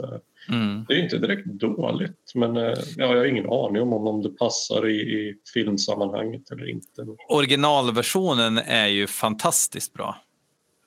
Så, ehm, och de gör ju originalet ganska troget, fast det är egentligen Alice som inte låter som originalet. jag tycker det är en ganska skön låt, en skön tolkning av Cooper. Han, återigen, han har den där mysiga skräckrösten och Visst, han pratsjunger, men det är, det är ändå inlevelsefullt och lite småspooky sådär. Eh, mm. Sen såg han ju förskräckligt hemsk ut i filmen, om ni har sett klippet kanske då. Uh, han spelar en roll uh, som, uh, jag vet inte ens i, i, i storyn vad den ska tjäna för syfte, men jag tror, jag tror han spelar en roll som heter Father Son, där han ska hjärntvätta ungdomar. Och då ser man den här eh, låten framföras på en stor videoduk då, eller filmduk. Eh, men han har ju en snorbroms som är bredare än eh, autobahn ungefär. Och det, det, passar liksom inte riktigt Alice. Det är väldigt svårt att se honom med mustasch tycker jag. Jag gissar att alla som blev tillfrågade, skulle du kunna tänka dig att bli med i en eh, Beatles-långfilm? Så sa nog alla ja. Kan du tänka dig att, att ha den här murejen? Jajamän, släng på den. Jag tror alla tackar och bocka faktiskt. Säkert, det är ju en ära att få jobba med George Martin och göra Beatles-covers. Ja. ja. Uh, vad har vi härnäst då? Det är väl No Tricks, va? Ja, med Betty Wright. No tricks up my sleeve I kicked it down so now I'm clean no shakes up my spine. I beat the speed now, dump the wine. No tracks, that was yesterday. I changed my style, the way I play. No blues, no depression, no more panic or obsession.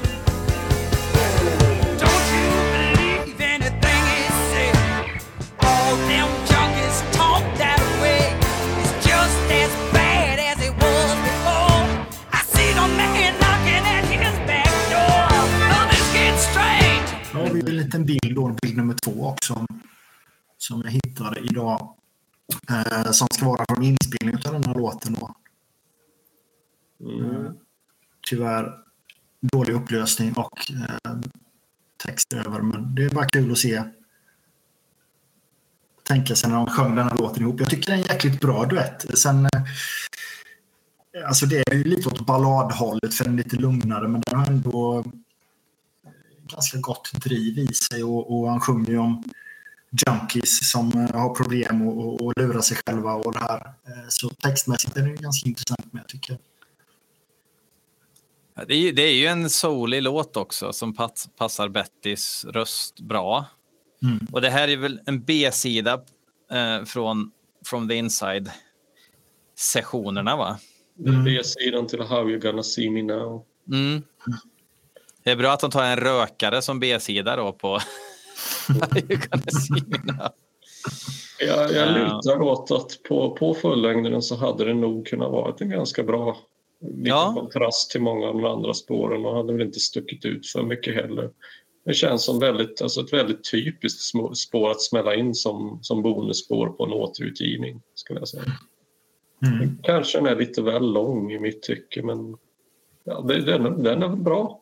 Alltså, Ja. Sen hamnar vi i Special Forces-träsket här.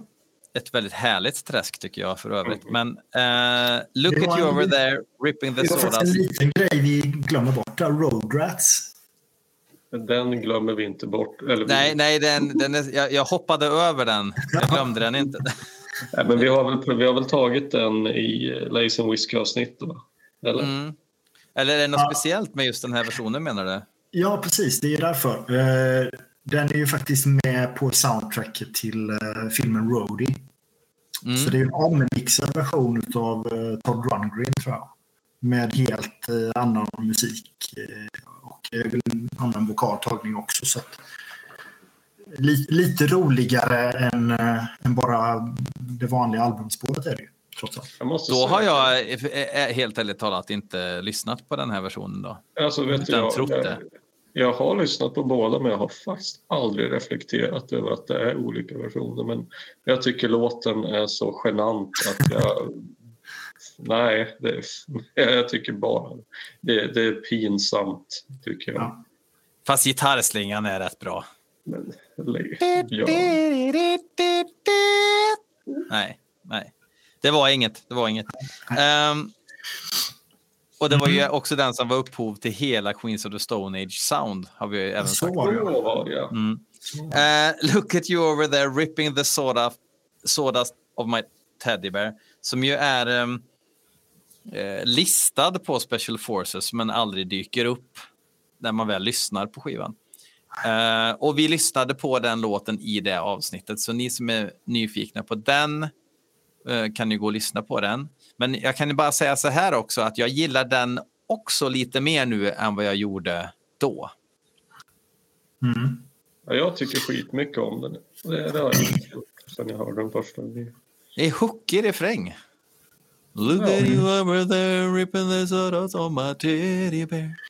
Det är väl bara att det är lite svårt att förstå texten och jag kan förstå att den inte hamnar på Special Forces tematiskt sett. Liksom. Sen är det, ja, både och. För att jag tänker Skeletons in my closet och den här tycker jag funkar tillsammans. Tänk dig den singeln. Det skulle vara den bästa singeln. ja, i och för sig, i och för sig. Eh, det, var, det som var roligt när boxen kom var att detta var ju en låt som man aldrig hade hört någonstans förut. Och det finns faktiskt, sjukt nog, finns det en cover. Jag kommer inte ihåg vad bandet heter nu, men det finns en cover på den här låten på Youtube. Mm. Eh, ganska udda val att göra cover på. Jag stödjer det. Ja. Nej, men jag kan, jag kan tänka mig att folk har väl köpt eh, dyrare boxar för mindre anledningar än, än något sånt här. Det tror jag. Alltså, om, om den här, för den här låten måste jag ha varit så jävla omtalad, legendarisk. Alltså, Mm. Jo, men det var den. Ja. Jaha, ska vi hoppa Mm. till ytterligare en pinsam sak då i mina öron? Hard... Nej, nej. For Britain For only. Britain only, ja. Det här är...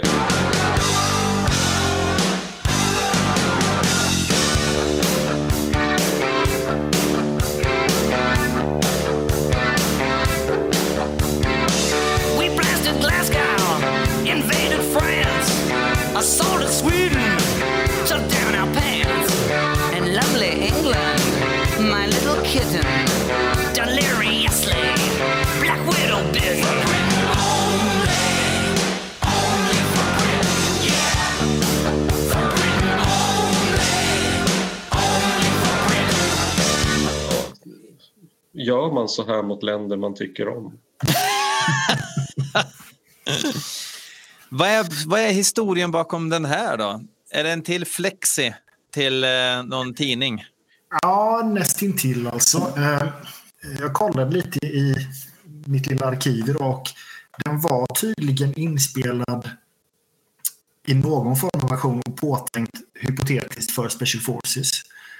Eh, sen sparar man kanske då, den kom inte med. Eh, sen gjorde man ju en ganska bejublad comeback-turné i just England eh, i januari, februari 82. Och eh, det blev en jäkla succé. De hade inte varit, eller Alice hade inte varit i, i England sedan 75 så att eh, det var fullsatta spelställen och eh, ja, fansen var överlyckliga och då spelade de in den här låten strax efter och gav ut den på en exklusiv singel då. Eh, finns även som en 12-tum-singel. Mm. For Britain only, only for Britain, Ja, yeah. jag tycker om den. Jag tycker den är rätt skön. Ja, men alltså jag, jag, tycker, jag tycker inte illa om den. Jag, det, givetvis inget, inget mästerverk, men det är bra riv. Mycket jeans. Ja, mycket Jag, jag, jag, kan, jag, jag rodnar när jag hör det här. Den här och Road Rats på en byggelse till singel ser jag framför det. Ja. The worst Men- of. Vad är det? Vad, kan du... Kan du eh, Men jag... Alltså det, fan, det är bara så taffligt och jävla O-låt som är osexig och ospännande med en O-slinga till en O-refräng. Alltså O. En, jävla, en Omega-låt, det är vad det är. ja. Smaken är som baken. Mm. Ehm, sen kommer vi till de här uh, Monster Dog-låtarna då. Från, eh, från den här den här verkligen eh, ganska mystiska perioden mellan Special Forces och comebacken. Um, Identity Crisis och See Me in the Mirror.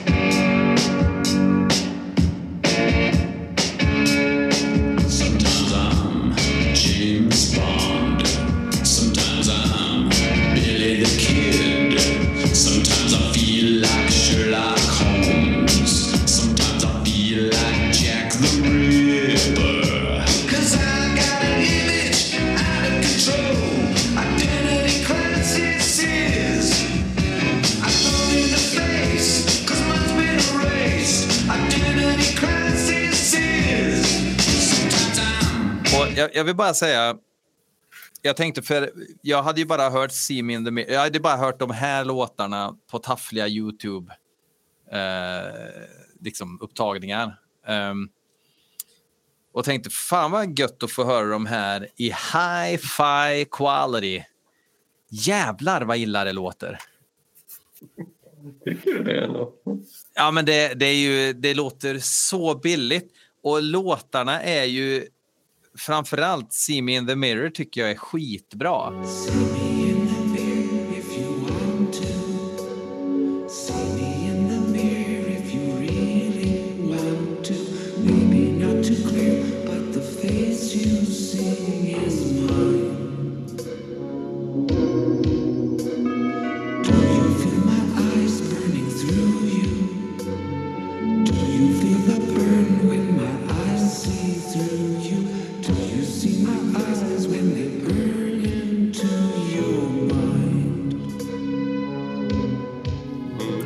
Men ljudmässigt, det måste ju vara så att originaltejperna är risiga liksom och de har försökt restaurera eller någonting. För det låter ju inte vackert alltså. Jag har alltid tänkt att det är demos, men det är ju faktiskt som du säger, de, de är ju med i filmen på något sätt. Så att det, måste, det är ju riktiga, det är ju riktiga studioinspelningar. Det måste vara. Ja, det är lite så här modern talking brunt.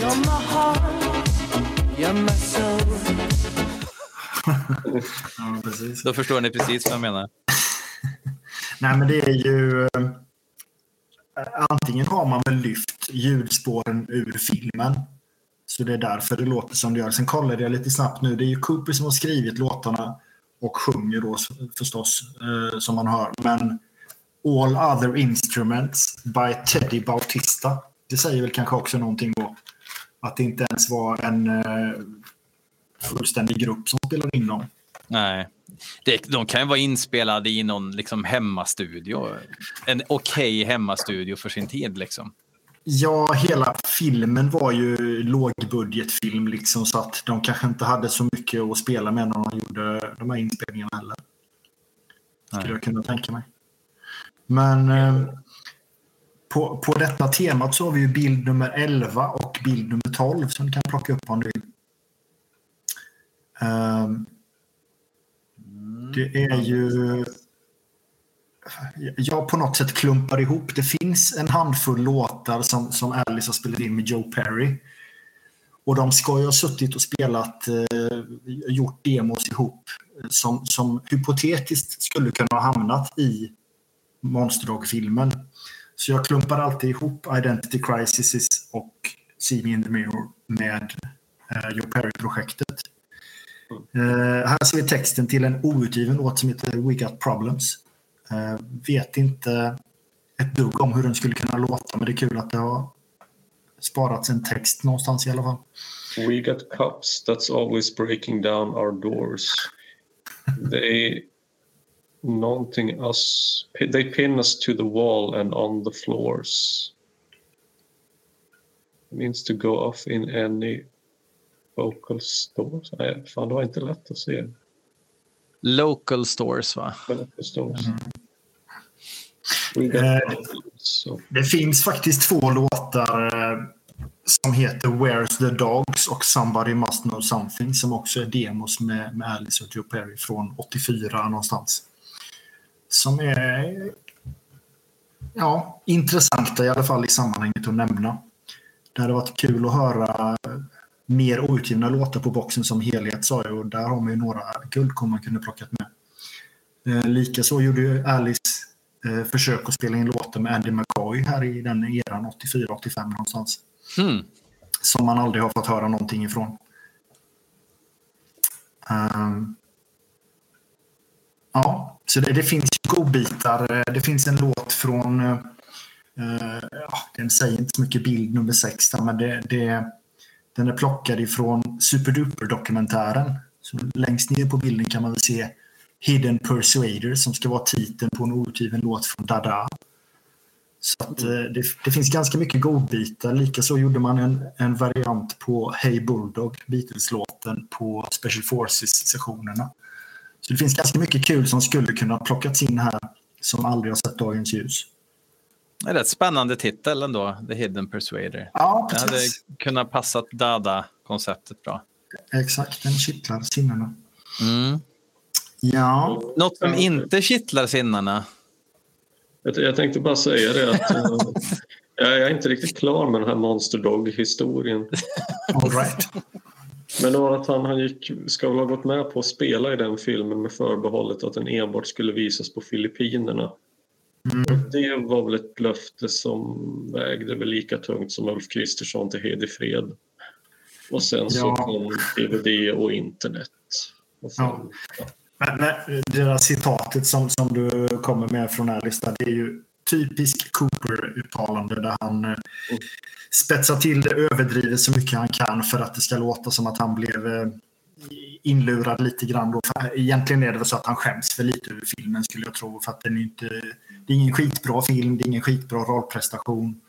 Eh, låtarna kan man tycka vad man vill om men eh, jag tror att när den såg dagens ljus och började spridas på, på mitten och sena 80-talet så, så blev det nog lite sådär. Samtidigt som Cooper blev känd med Poison och Trash så, så dök den här upp då liksom. Det var Mm. lite svårt att försvara det. Då är det kanske lättare att säga att ja, jag gick bara med på det här om det skulle visas någon, någonstans långt bort i stan. Liksom. Lite som filmen Italian Stallion med Sylvester Stallone. Svårt att försvara den också kanske. Clint Eastwood och den här, eh, vilken var det nu? Ta- Tarantula. När han är stridspilot, hans första roll. Ska skjuta Ja, ner stora monstertarantulor. Det är också fantastiskt. Det finns ju en film med Jean-Claude Van Damme, en märklig sak som heter Monaco Forever där han spelar en homosexuell charmör som plockar upp en viftare som han raggar på och sen karatesparkar. Och ja, sen tar den slut. Det låter ju som en fantastisk film. Den är skitbra. Jag vill bara säga den här See Me In The Mirror. Jag tycker också att den är skitbra och den får man alltid att tänka på en gammal 80-talsserie jag såg som barn som hette Frankensteins faster som var en fantastisk Du, produktion. shit. Nu öppnar du en lucka någonstans i hjärnan som har varit stängd kan jag säga. Det här känner jag igen jättemycket. Jag satt och gjorde lite research kring det där för jag, det här har legat och gnagt i huvudet på mig. Men vad fan var det för någonting?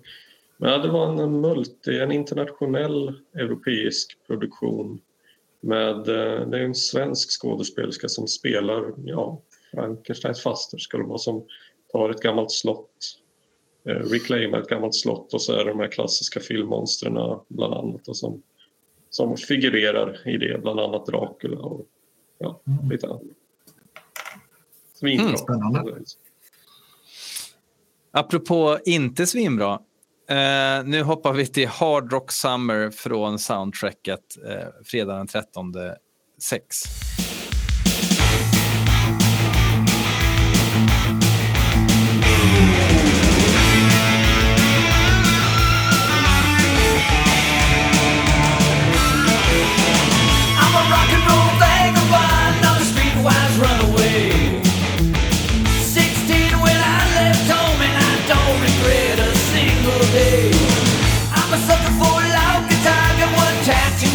Chest. It's hot July, my mouth dry. You know that I've been screaming hard rock summer. Hard rock summer. The rock all night, gonna blow this. Till morning light, going round and round. Hard rock, summer in the USA. Alltså det här är eh, för mig liksom commercial hard rock. Alltså här, jag känner så här som, som du Hayden gör för For Britain Only. Jag tycker Jag For Britain om- Only är ju ett liksom tidlöst opus bredvid Hard Rock Summer. Jag som tycker den här är bra. Ja, men ja. Det är det här du måste jobba med dig själv. Men den som känner sig påhoppad utav er två kan alltid luta sig på mig för jag tycker allting är bra.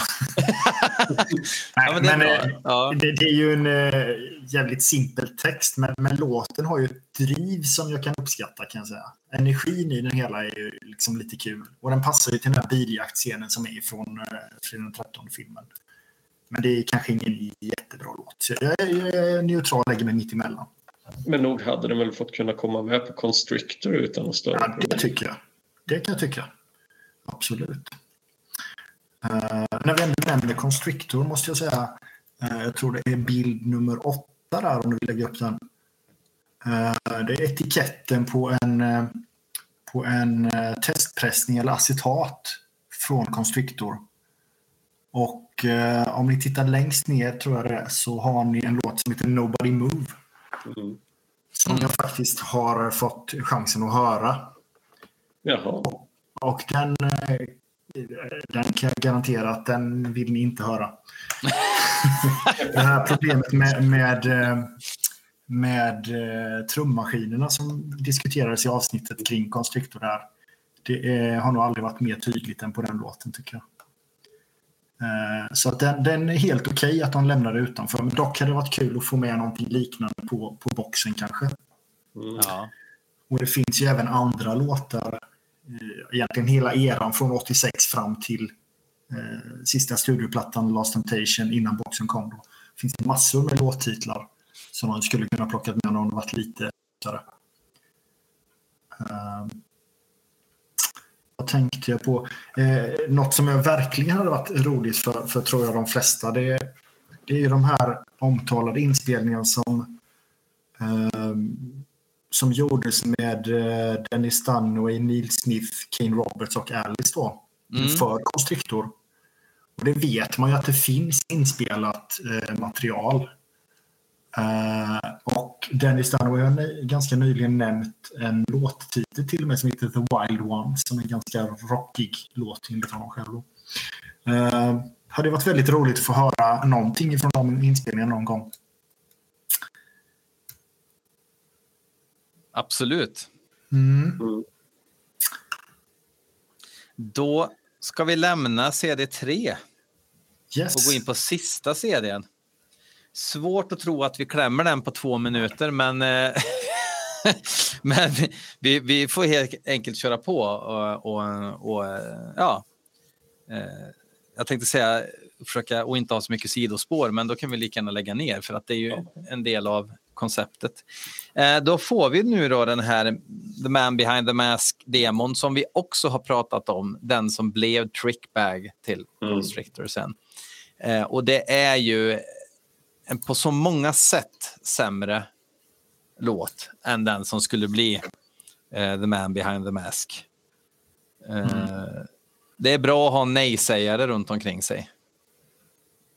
Det är väldigt svårt att lyssna på den här när man har hört He's Back. Tycker det blir liksom det blir, det blir så fel så att Mm. jag, jag, jag tycker inte om den helt enkelt kan jag säga. Nej. Sen är jag inget Men- stort fan av Trickbag heller. nej. Mina kommentarer på det spåret var nej, nej, nej. Ja, Fan vad du var på grinigt humör idag, Björn. Ja, du och ditt For Britain Only. Nej, jag, jag vet inte. Jag, jag kan väl inte säga att det är, det är, det är svårt att påstå att det skulle vara en bra låt och det skulle absolut inte passat till filmen på något sätt.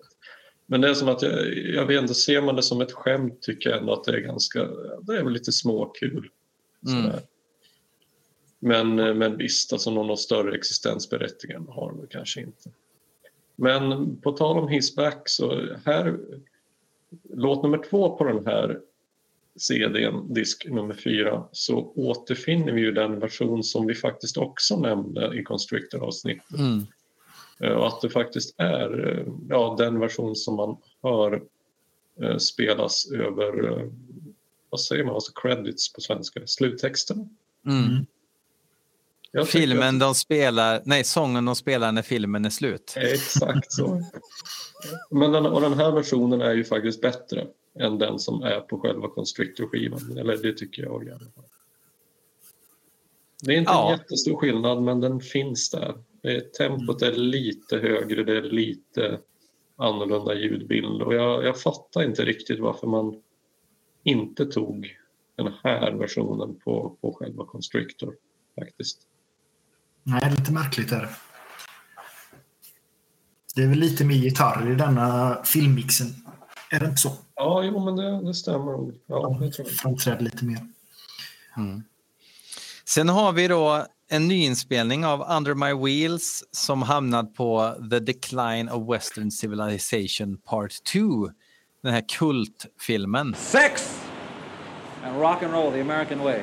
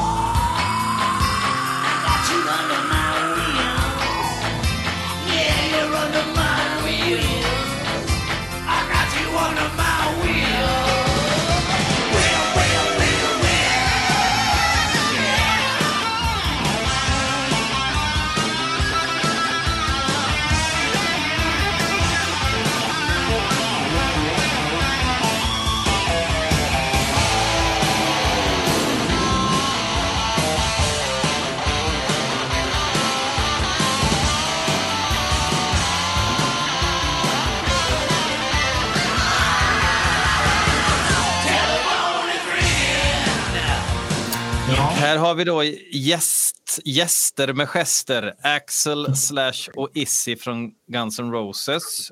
Ehm, gör en... ja, jävlar, jävlar vad det händer mycket i den här versionen. Vad är det du håller upp? Soundtracket på kassett. Åh jävlar. Vilken dyrgrip. Ja. Mm. Att du inte har gummihandskar på dig när du håller den där. Alltså jag, jag kan inte med ord beskriva hur mycket The Decline of Western Civilization Part 2 har betytt för mig. Under flera år så var det en ritual att sommaren inte hade börjat förrän jag och Björn Holmberg hade kollat på Decline of Western Civilization Part 2. Att, alltså jag har säkert sett den här 20 gånger om och jag blir lika glad varje gång. Och efter det så var det Hard Rock Summer fram till hösten. Exakt så. Men det som är kul med låten tycker jag, det, det är... Man förstår att Axel hade inte kunnat sjungit i ett annat band än Guns N' Roses. Um, just för att det här låter ju inte alls som Guns N' Roses.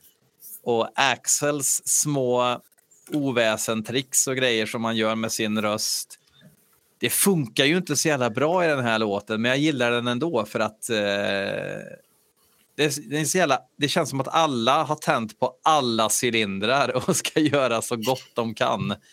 Eh, Alice var nog nykter, men jag tror inte att de andra var det. ja, Alice var definitivt nykter. Mm. Eh, Men eh, jag har skrivit så här, jag, jag tycker det är roligt i teorin liksom att de spelar ihop. Jag gillar Guns N' Roses, jag älskar Alice Cooper. Eh, Men när det kommer till liksom slutklämmen så lyssnar man på det någon enstaka gång men jag kommer ju alltid väl välja originalet utav My Wheels hellre. Så Ja, ja. den, den, den känns lite överflödig för min del på boxen. Men, ja.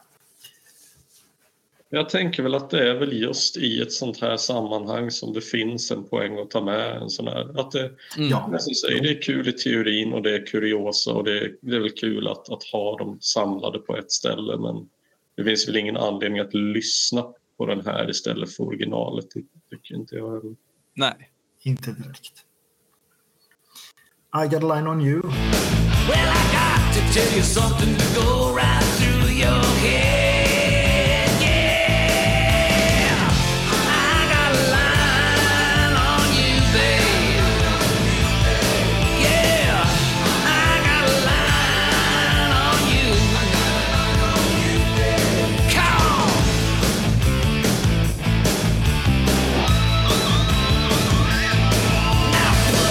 Ja, från, eh, ska vi bara berätta att Iron Eagle var ju verkligen en sorts märklig, ännu mer patriotisk och vulgär version av Top Gun. Eh, liksom, till exempel som ninjor, när ninjor blev hett. Då skulle till och med Spiderman slåss mot ninjor. Eh, sen helt plötsligt så blev Top Gun en sån jävla hit och då ska det bli flygvapentema på massa film. Iron Eagle är alltså...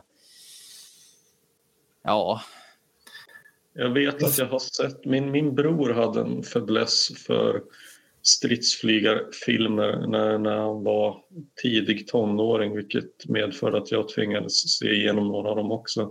Iron Eagle tillhörde ju det ultimata bottenskrapet och han var dessutom Queen-fanatiker. Och Queen hade ju den här låten One Vision som är med som på soundtracket till Iron Eagle 1. Ah. Och om Iron Eagle 1 tillhör det ultimata bottenskrapet av de här filmerna då kan man ju tänka sig hur uppföljaren är. mm. Ja, jag vill minnas att jag har sett den någon gång. Just för att Alice var med förstås då, men jag har inget minne av förutom låten i sig. Det sjuka är att de gjorde faktiskt en musikvideo till Cooper-låten. ja. Ja, stört. Varför? Men det är ju en Nej, men alltså, jag kan tänka mig även om filmerna var dåliga så såg nog många dem, tror jag. Ja. Så det var nog ingen dålig exposure att vara med i dem. King Nej, Cobra hade ju någon hit som hette Iron Eagle till och med som de, som de körde till. Ja. Jag vill, för er som inte har Patreon nu så visar jag upp när King Cobra försökte införa sitt eget djävulstecken som skulle ta över och det var Cobra Bite. Visst låter det som att man hittar på det här, men det gör vi inte. Nej, nej. Tyvärr. För er som är nyfikna på hur eh, King Cobra låter eh, i modern tid så tycker jag att ni ska söka på King Cobra och Sweden Rock Festival.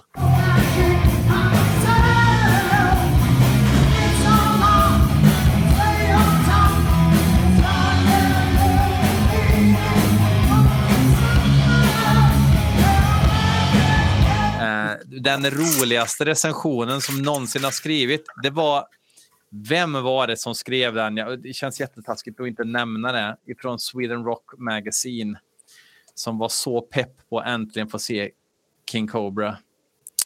Eh, jag vill verkligen säga vem det var, men jag kommer inte ihåg top of mind nu. Som, eh, han var så knäckt och var tvungen att gå efter några låtar och lägga sig vid, vid, vid en, liksom, en, en kulle och bara försöka andas normalt. Så vakterna kom och frågade hur det var med honom ifall de behövde ta honom till sjukhustältet. Uh, för det var det är en spre, ett spretigt gig. Uh, sångaren har fullt upp med att sortera flaskor på trumpodiet när han inte sjunger. Och det är så jävla, det låter så jävla illa. Och då har vi ju, jag tror det är Carmine Appis som eh, Mm. spelar trummor, som en gud såklart. Och förmodligen funderar på varför är jag i eh, Norge i Sverige just nu och gör det här när jag kunde ha gjort sorterat flaskor hemma istället. Så eh, lite ett sidospår. Men eh, I got a line on you då från Iron Eagle 2. Ja, jag, jag tänkte bara flika in att det är en cover på eh, en låt som ursprungligen är gjord av ett band som heter Spirit.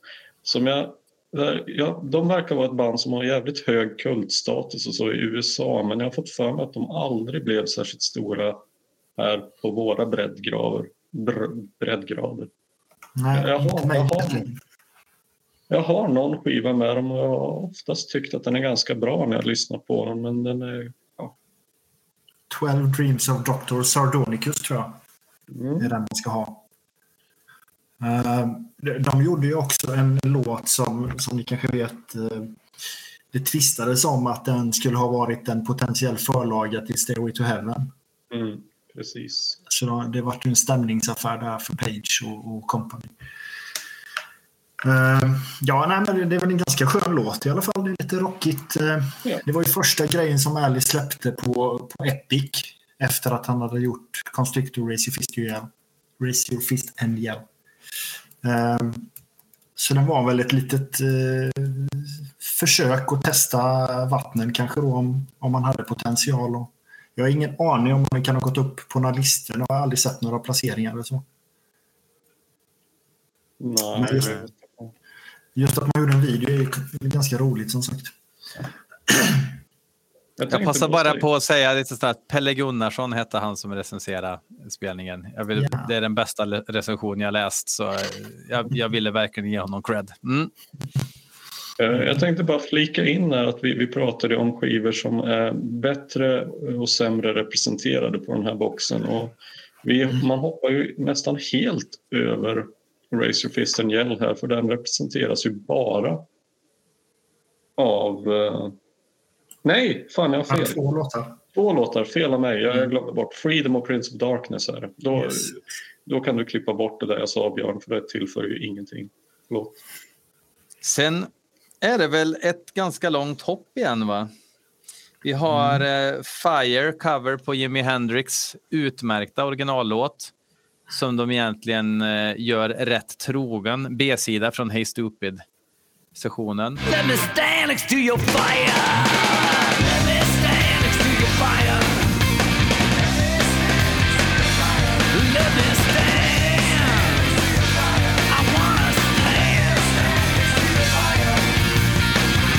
Ehm, ja, det låter som originalet fast Alice Cooper sjunger och med Hey Stupid-produktionen i princip. Ja. Vill man ha en rak cover så är den ju jäkligt bra men eh, den tillför inget nytt, det kan man inte säga. Nej, Kanske rent av hade varit roligare att ha med den andra B-sidan från uh, Hey Stupid-singeln i Train All Night. Kan man ju tycka. Mm. En liten kuriosa är att den här låten återfinns ju också i en annan coverversion i Wayne's World som ju Alice Cooper också är med i. När den framförs av Tia Career och hennes band Crucial Taunt. Ja, Ja, Oj, vilken crush man hade. Eller jag hade det. Pang var jag i pubertet. ja det är charmigt. Sen då så måste det ju tyvärr hända. Vi måste ju prata om Hands of Death Spook Show 2000 Mix. Alice Cooper och Rob Zombie. Ja. Och det här är helt fruktansvärt.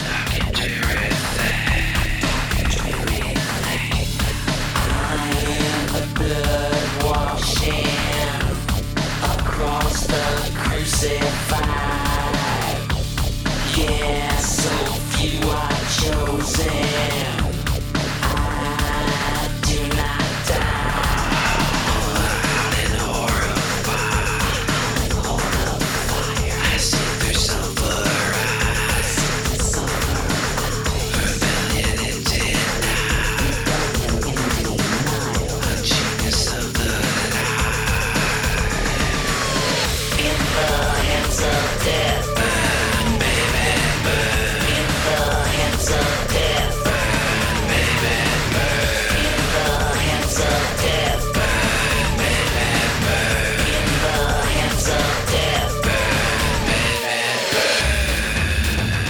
Det här, alltså det här sammanfattar den mest värdelösa tiden i all rockhistoria, tror jag. Det här är när det skulle vara industri och linser. Ja, Såna här ringar, såna här ringar som täcker hela fingret. Men alltså, vi är ju i en jävla technoklubb i The Crow 7 inspelad i... Ja, gud vet vad. Ja, det här är riktigt jävla dåligt alltså. På alla, det Ja, finns det är det. inget bra med den här låten överhuvudtaget. Alltså om jag, förstår, om jag förstått det rätt så är ju Rob Zombie är ju gigantisk i USA och jag har alltid sett honom som en av världens mest överskattade artister. Hans gamla band White Zombie, det kunde faktiskt vara okay, helt okej på sina ställen men hans solokarriär, alltså jag fattar inte vad är det folk tycker att han tillför musiken? Musik.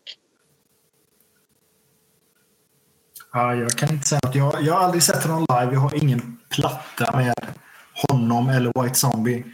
Jag vet att han är en, väldigt influerad av Alice. Det har ni säkert sett och läst eh, er till tidigare. Mm. Så han har ju det här teatrala scenspråket. Det är väl det han bidrar med. Men just musikaliskt, ja, jag vet inte. Alltså såsigaste sortens blöjindustri. Alltså, jag är inte ens trött, jag är bara irriterad.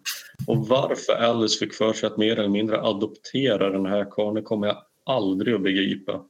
Det här är väl precis lika poänglöst som allt annat han hasplat ur sig. Du ska jag vara lite djävulens advokat här och säga Ja, att... eh, Nej, men, men eh, Rob Zombies första skiva hade klämmiga låtar åtminstone.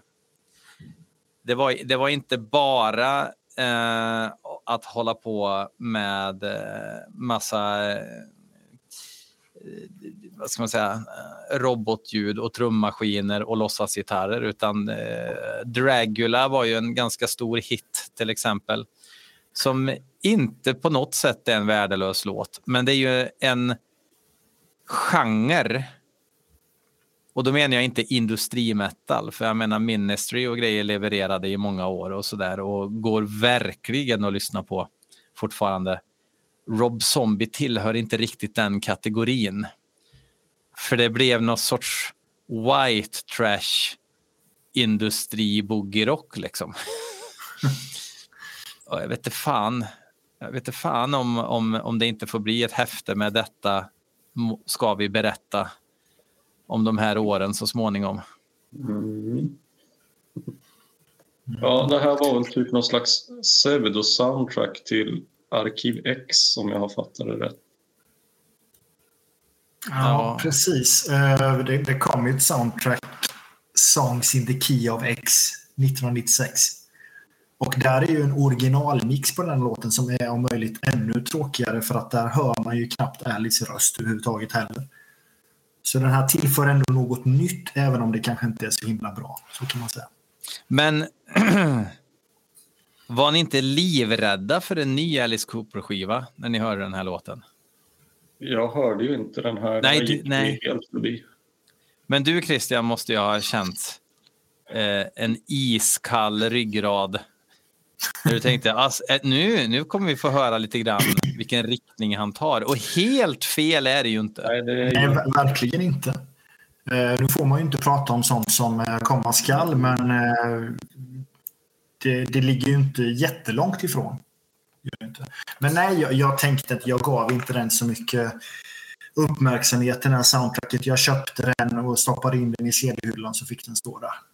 Mm. Eh, Det var inte mer med det. Så att, sen har jag alltså, det som jag alltid har tyckt är en Alice Coopers största förtjänster det är ju att, att han kan röra sig genom så himla många olika genrer hela tiden.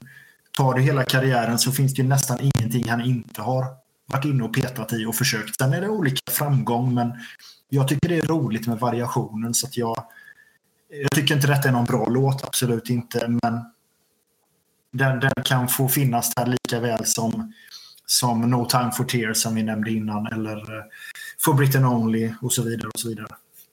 Men det är också, det är, tyvärr får den här också lite grann symbolisera så många här mixar man har hört. Liksom.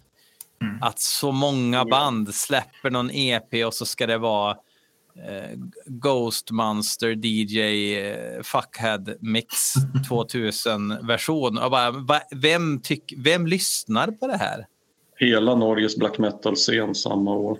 Ja, samma år ja. Som gick omkring med vampyrtänder och drack absint och lyssnade på den skiten. Eh, Liksom. Matrix-viruset hade ju slagit ner som en bomb. Och det, ja, det vet Jag har, ju, jag har ju skrivit Matrix-viruset här. Och det var ju inte isolerat till norsk black metal direkt. Nej, det var det. Det var en, ett virus som muterade i många olika former och på många kontinenter. Så ingen slapp undan. Hästens tid och allt det. Det Eh. sista icke-officiella albumspåret, jag menar ändå Fistful of Alice är väl inte ett officiellt album på så vis. Så jag tycker vi kan ju ändå nämna Is Anyone Home? Och om jag ska sälja den här till er då. Vad sägs om lite radio-friendly rock där akustiska gitarrer är lika höga som elgitarrerna som handlar om någon som är ute för mycket på internet?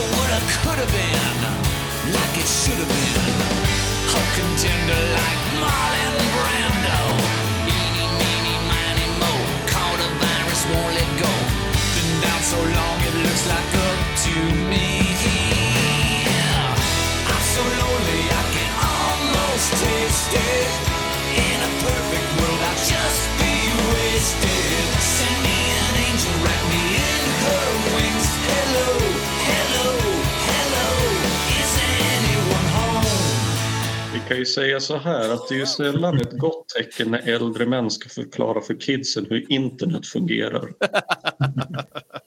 Och vad jag förstår är detta ett ganska tidigt exempel på just det. Mm. Ja, och Alice som dessutom uttryckligen är en eh, teknologisk idiot enligt egen utsago.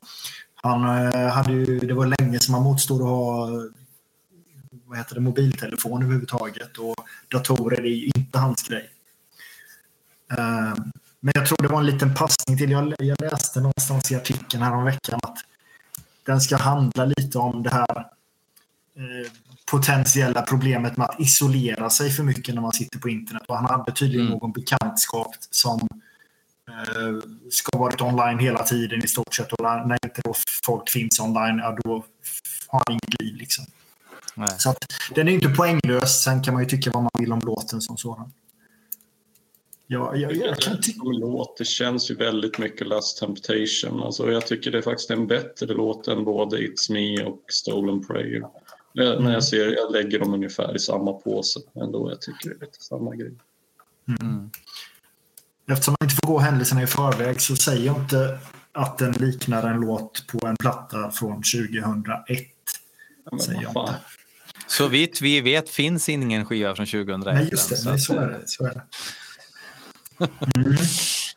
Nu är det dags Jaha. för eh, lite betyg då. Och jag menar, om det är svårt att sätta betyg vanligtvis, nu ska vi alltså betygsätta enligt Alice Coopers egna skala eh, ett, en box. Det blir inte mer komplicerat än så här. Vem vill börja då? Jag kan fan börja den här gången. Jag brukar Mm. sällan göra det. Eh, Jag ger den 10 av 10.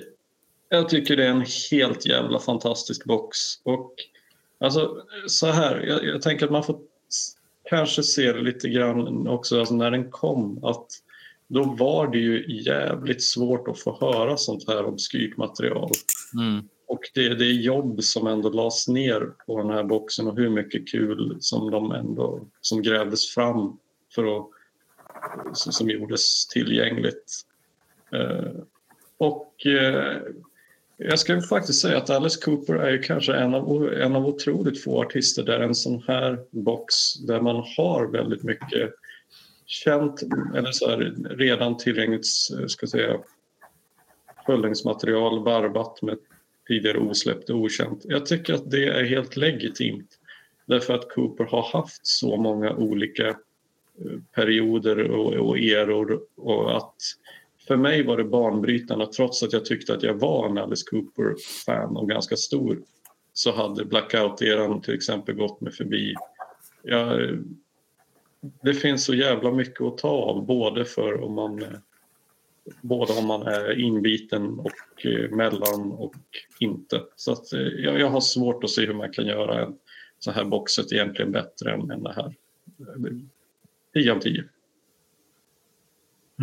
Jag, kan, jag kan ta härnäst då. Jag tycker, jag tycker det är jättesvårt. Jag, menar, jag, ty- jag tycker att det är roliga val. Jag, menar, jag förstår ju att, att om man eh, redan hade samlat och hade mycket av det här materialet hade man kanske velat haft lite mer osläppt material. och Så där. Men jag, jag tycker också att det är en väldigt trevlig box. Jag tycker, jag tycker jag menar, även det fysiska, kanske inte skitsnygg framsida om jag ska vara helt ärlig, men den, den är välgjord åtminstone. Eh, det är hög kvalitet. Ja, men den här är ju gammal nu och den ser ju helt ny ut. Vilket ändå säger en del om, om kvaliteten på, på den. Liksom. Jag gillar bokletten och jag tycker att, att det är förvånansvärt smalt och brett på, på de låtarna som är med. Sen kan man alltid tycka saker om vilka låtar som väljs ut. Men när man fått med många av de här riktiga inspelningarna som inte är med på något album, alltså filmlåtarna och sådär. Och, eh, ja, men det blir, eh, det blir eh, 17 av 20. Ja. Det är ju svårt. Ehm, tittar man på boxen, som du säger, omslaget kunde kanske varit lite roligare. Det funkar ändå som koncept och idé tycker jag. Ehm, boxens innehåll tänker jag på att det är lite av ett missat tillfälle. Det är ju egentligen fyra skivor och en booklet, vilket är grunden för alla boxar. Men egentligen ingenting extra inuti. Det tycker jag är lite tråkigt. Eh, men det är, det är ju liksom, det har ju, det har ju inte med musiken i sig att göra. Men eh, jag hade gärna velat ha någon poster eller något, eh, något extra liksom inuti. Sen är det ju, det är snart 25 år sedan den kom och 99, decenniets slut och det var en summering av eh, Alice karriär både i bandet och solo. Så att som, som det är den ju en fantastisk box. Liksom. Då kan jag också säga 10 av 10. Men som storsamlare och, och komplettist och fan, om man vet hur mycket det finns där ute som, som inte har sett dagens ljus. Eh, så kan jag väl säga att jag var lite besviken och därför blir det liksom lite både och. Det, det, det är svårt att sätta betyg. Eh, utförandet, bookleten är 10 av 10 och musiken kanske är 7 av 10. Så vad säger man då? 8,5? 8,5. Ja. Det är ändå jävligt Det blir högt. 17 av 20 som du satte. Eh, Jag tänkte, bara en sak som faktiskt slog mig nu och som jag aldrig har reflekterat över tidigare. Eh, På, alla, eller på många sådana här boxar i varje fall, tänker jag mig, så brukar det ju finnas ett gäng live-versioner av låtar men det finns ju den enda live det enda livespåret som finns här det är väl Love It Ball? Nej, för fan, det är, Nej, inte ens den. en, nej, inte ens den. Det är ju en studioversion. Nej, jag vet, jag vet. Detta är ju rätt ovanligt när det gäller boxar. Och jag, jag vet när tiden, alltså när det begav sig så fanns det ett forum som hette Sick Things. Där man kunde vara med och få eh, information eh, på en mailinglista. Där jag fanns med förr i tiden. Och där var även Brian Nelson, producenten och Coopers högra hand då med. Så man kunde ställa frågor till honom om man hade tur så svarade han när han hade tid och sådär. Och då tror jag att jag vill minnas att jag skrev om det här att var, varför finns det inga livespår med. Men han var ju den som ytterst höll i, i liksom insamlandet av grejer och det finns ju en jädra massa livegrejer man skulle kunna haft med. Men han, han var nog av den eh, åsikten att eh, blanda studio och livematerial var inte något han tyckte var en bra idé. Så därför valde man bort helt och hållet att plocka livespår. Så att, eh, ja, jag, jag vet inte, man, man kunde gjort, vi, vi nämnde ju Doors-boxen du och jag förut där. Jag, den är ju lite, när man ser tillbaka idag så är det lite av ett mischmasch men den är ju ganska bra strukturerad. Du har två diskar med rariteter. Eh, och sen har du en liveplatta som i och för sig är lite tydligen fejkad och, och saker som är inspelade i efterhand nu har man fått veta. Men sen den sista fjärde disken, då är det ju de tre överlevande bandmedlemmarnas favoritlåtar. Det konceptet kan jag ändå köpa för då, då får du varför är de här låtarna utvalda som albumspår på den här boxen? Jo, det är för att eh, Ray Manzarek tycker om de här fem, sex låtarna. John Densmore de här och Robert Krieger de här. Det, det är ett ganska bra koncept och det tycker jag hade varit kul att överföra konceptet på denna boxen. Mm. Faktiskt. Ja, men absolut. Och sen jag, jag håller med om det. Alltså, jag är inte så intresserad av att höra en live-låt utan jag är nog intresserad av att höra en live-spelning snarare. Mm. Jag vet Och inte vilka godbitar det finns där ute ska ni veta. Ja, det kan jag tänka mig. Eh, Men hörni, ja, hade du något med där Christian? Ja, utan att gå händelserna i förväg, som vi inte får göra, så ska vi ändå inte prata om eh, boxen old school i något avsnitt framöver, har vi sagt. Eh, men det kan ju vara värt att säga att den tar ju upp bara eh, eran 64 till 74 med originalbandet i olika tappningar. Eh, och där finns ju med lite livespår här och var. Samt eh, radio-ads och eh, även en disk med spoken word, alltså intervjuer och sådär. då. Och en hel disk med en fantastisk livespelning från Killerturnén i St. Louis 71. Väl värd att införskaffa. Mm. Det ska jag fan i mig göra. Finns också i det här lilla behändiga formatet som eh, Haydens variant på boxen här. Mm. Okej, ja. Nu blir jag jag lite har den skeptisk. här. Exakt. Kassetten till The Decline. Jag jag tror du ska Men- skaffa den lilla, för den gamla boxen som kom 2011 är ju deluxe deluxe och 4 5 6 tusen idag. Så mycket Ah, är det. Nej. Jag såg, nej. jag såg någon som försökte kränga den begagnat på Facebook men det var väl ja, ja, minst 2-3 tusen eller någonting. Jag Ja. kände inte att det var direkt värt det. Inte för Nej. mig. Nej, precis. En minut kvar så är vi uppe i, två timmars sträcket. Ja, vad mäktigt. Då kanske vi sakteliga ska passa på. Är det någon ni vill tacka? publiken. nej, men eh, fan, det här var ju Kaffet vill jättetrevligt. Att, ta, vi vill tacka för kaffet om inte annat. Mm. Ja. Ehm, det här var ju skittrevligt ju. Ehm, Jag skulle Men- vilja rabbla 50 låttitlar till på udda utgivningar som inte kom med, men eh, det är bara löjligt att göra. Men eh, det finns massor där ute och utifrån det jag vet och samlat på mig så vet jag att det finns ytterligare saker som inte jag känner till. Så det finns massor med grejer. det kommer komma en vacker dag tror jag. Kanske en Life and Crimes Part 2. Mm. Ja, Nåväl, Ja, skitkul. En, tusen tack igen Christian. En ära att ha dig med. det är alltid lika trevligt. Eh, du är Keep on. välkommen tillbaks. Ja, precis. Nu när det börjar bli svårt att få folk till de kommande albumen så kommer jag figurera allt oftare. Nu eh, ska vi inte gå händelserna i förväg, men vi kan inte svara på om det är svårt eller inte för att Nej, eh, framtiden är... Nej, nej, precis. Men eh, låt stå, gott folk. Yes, låt stå. Tack.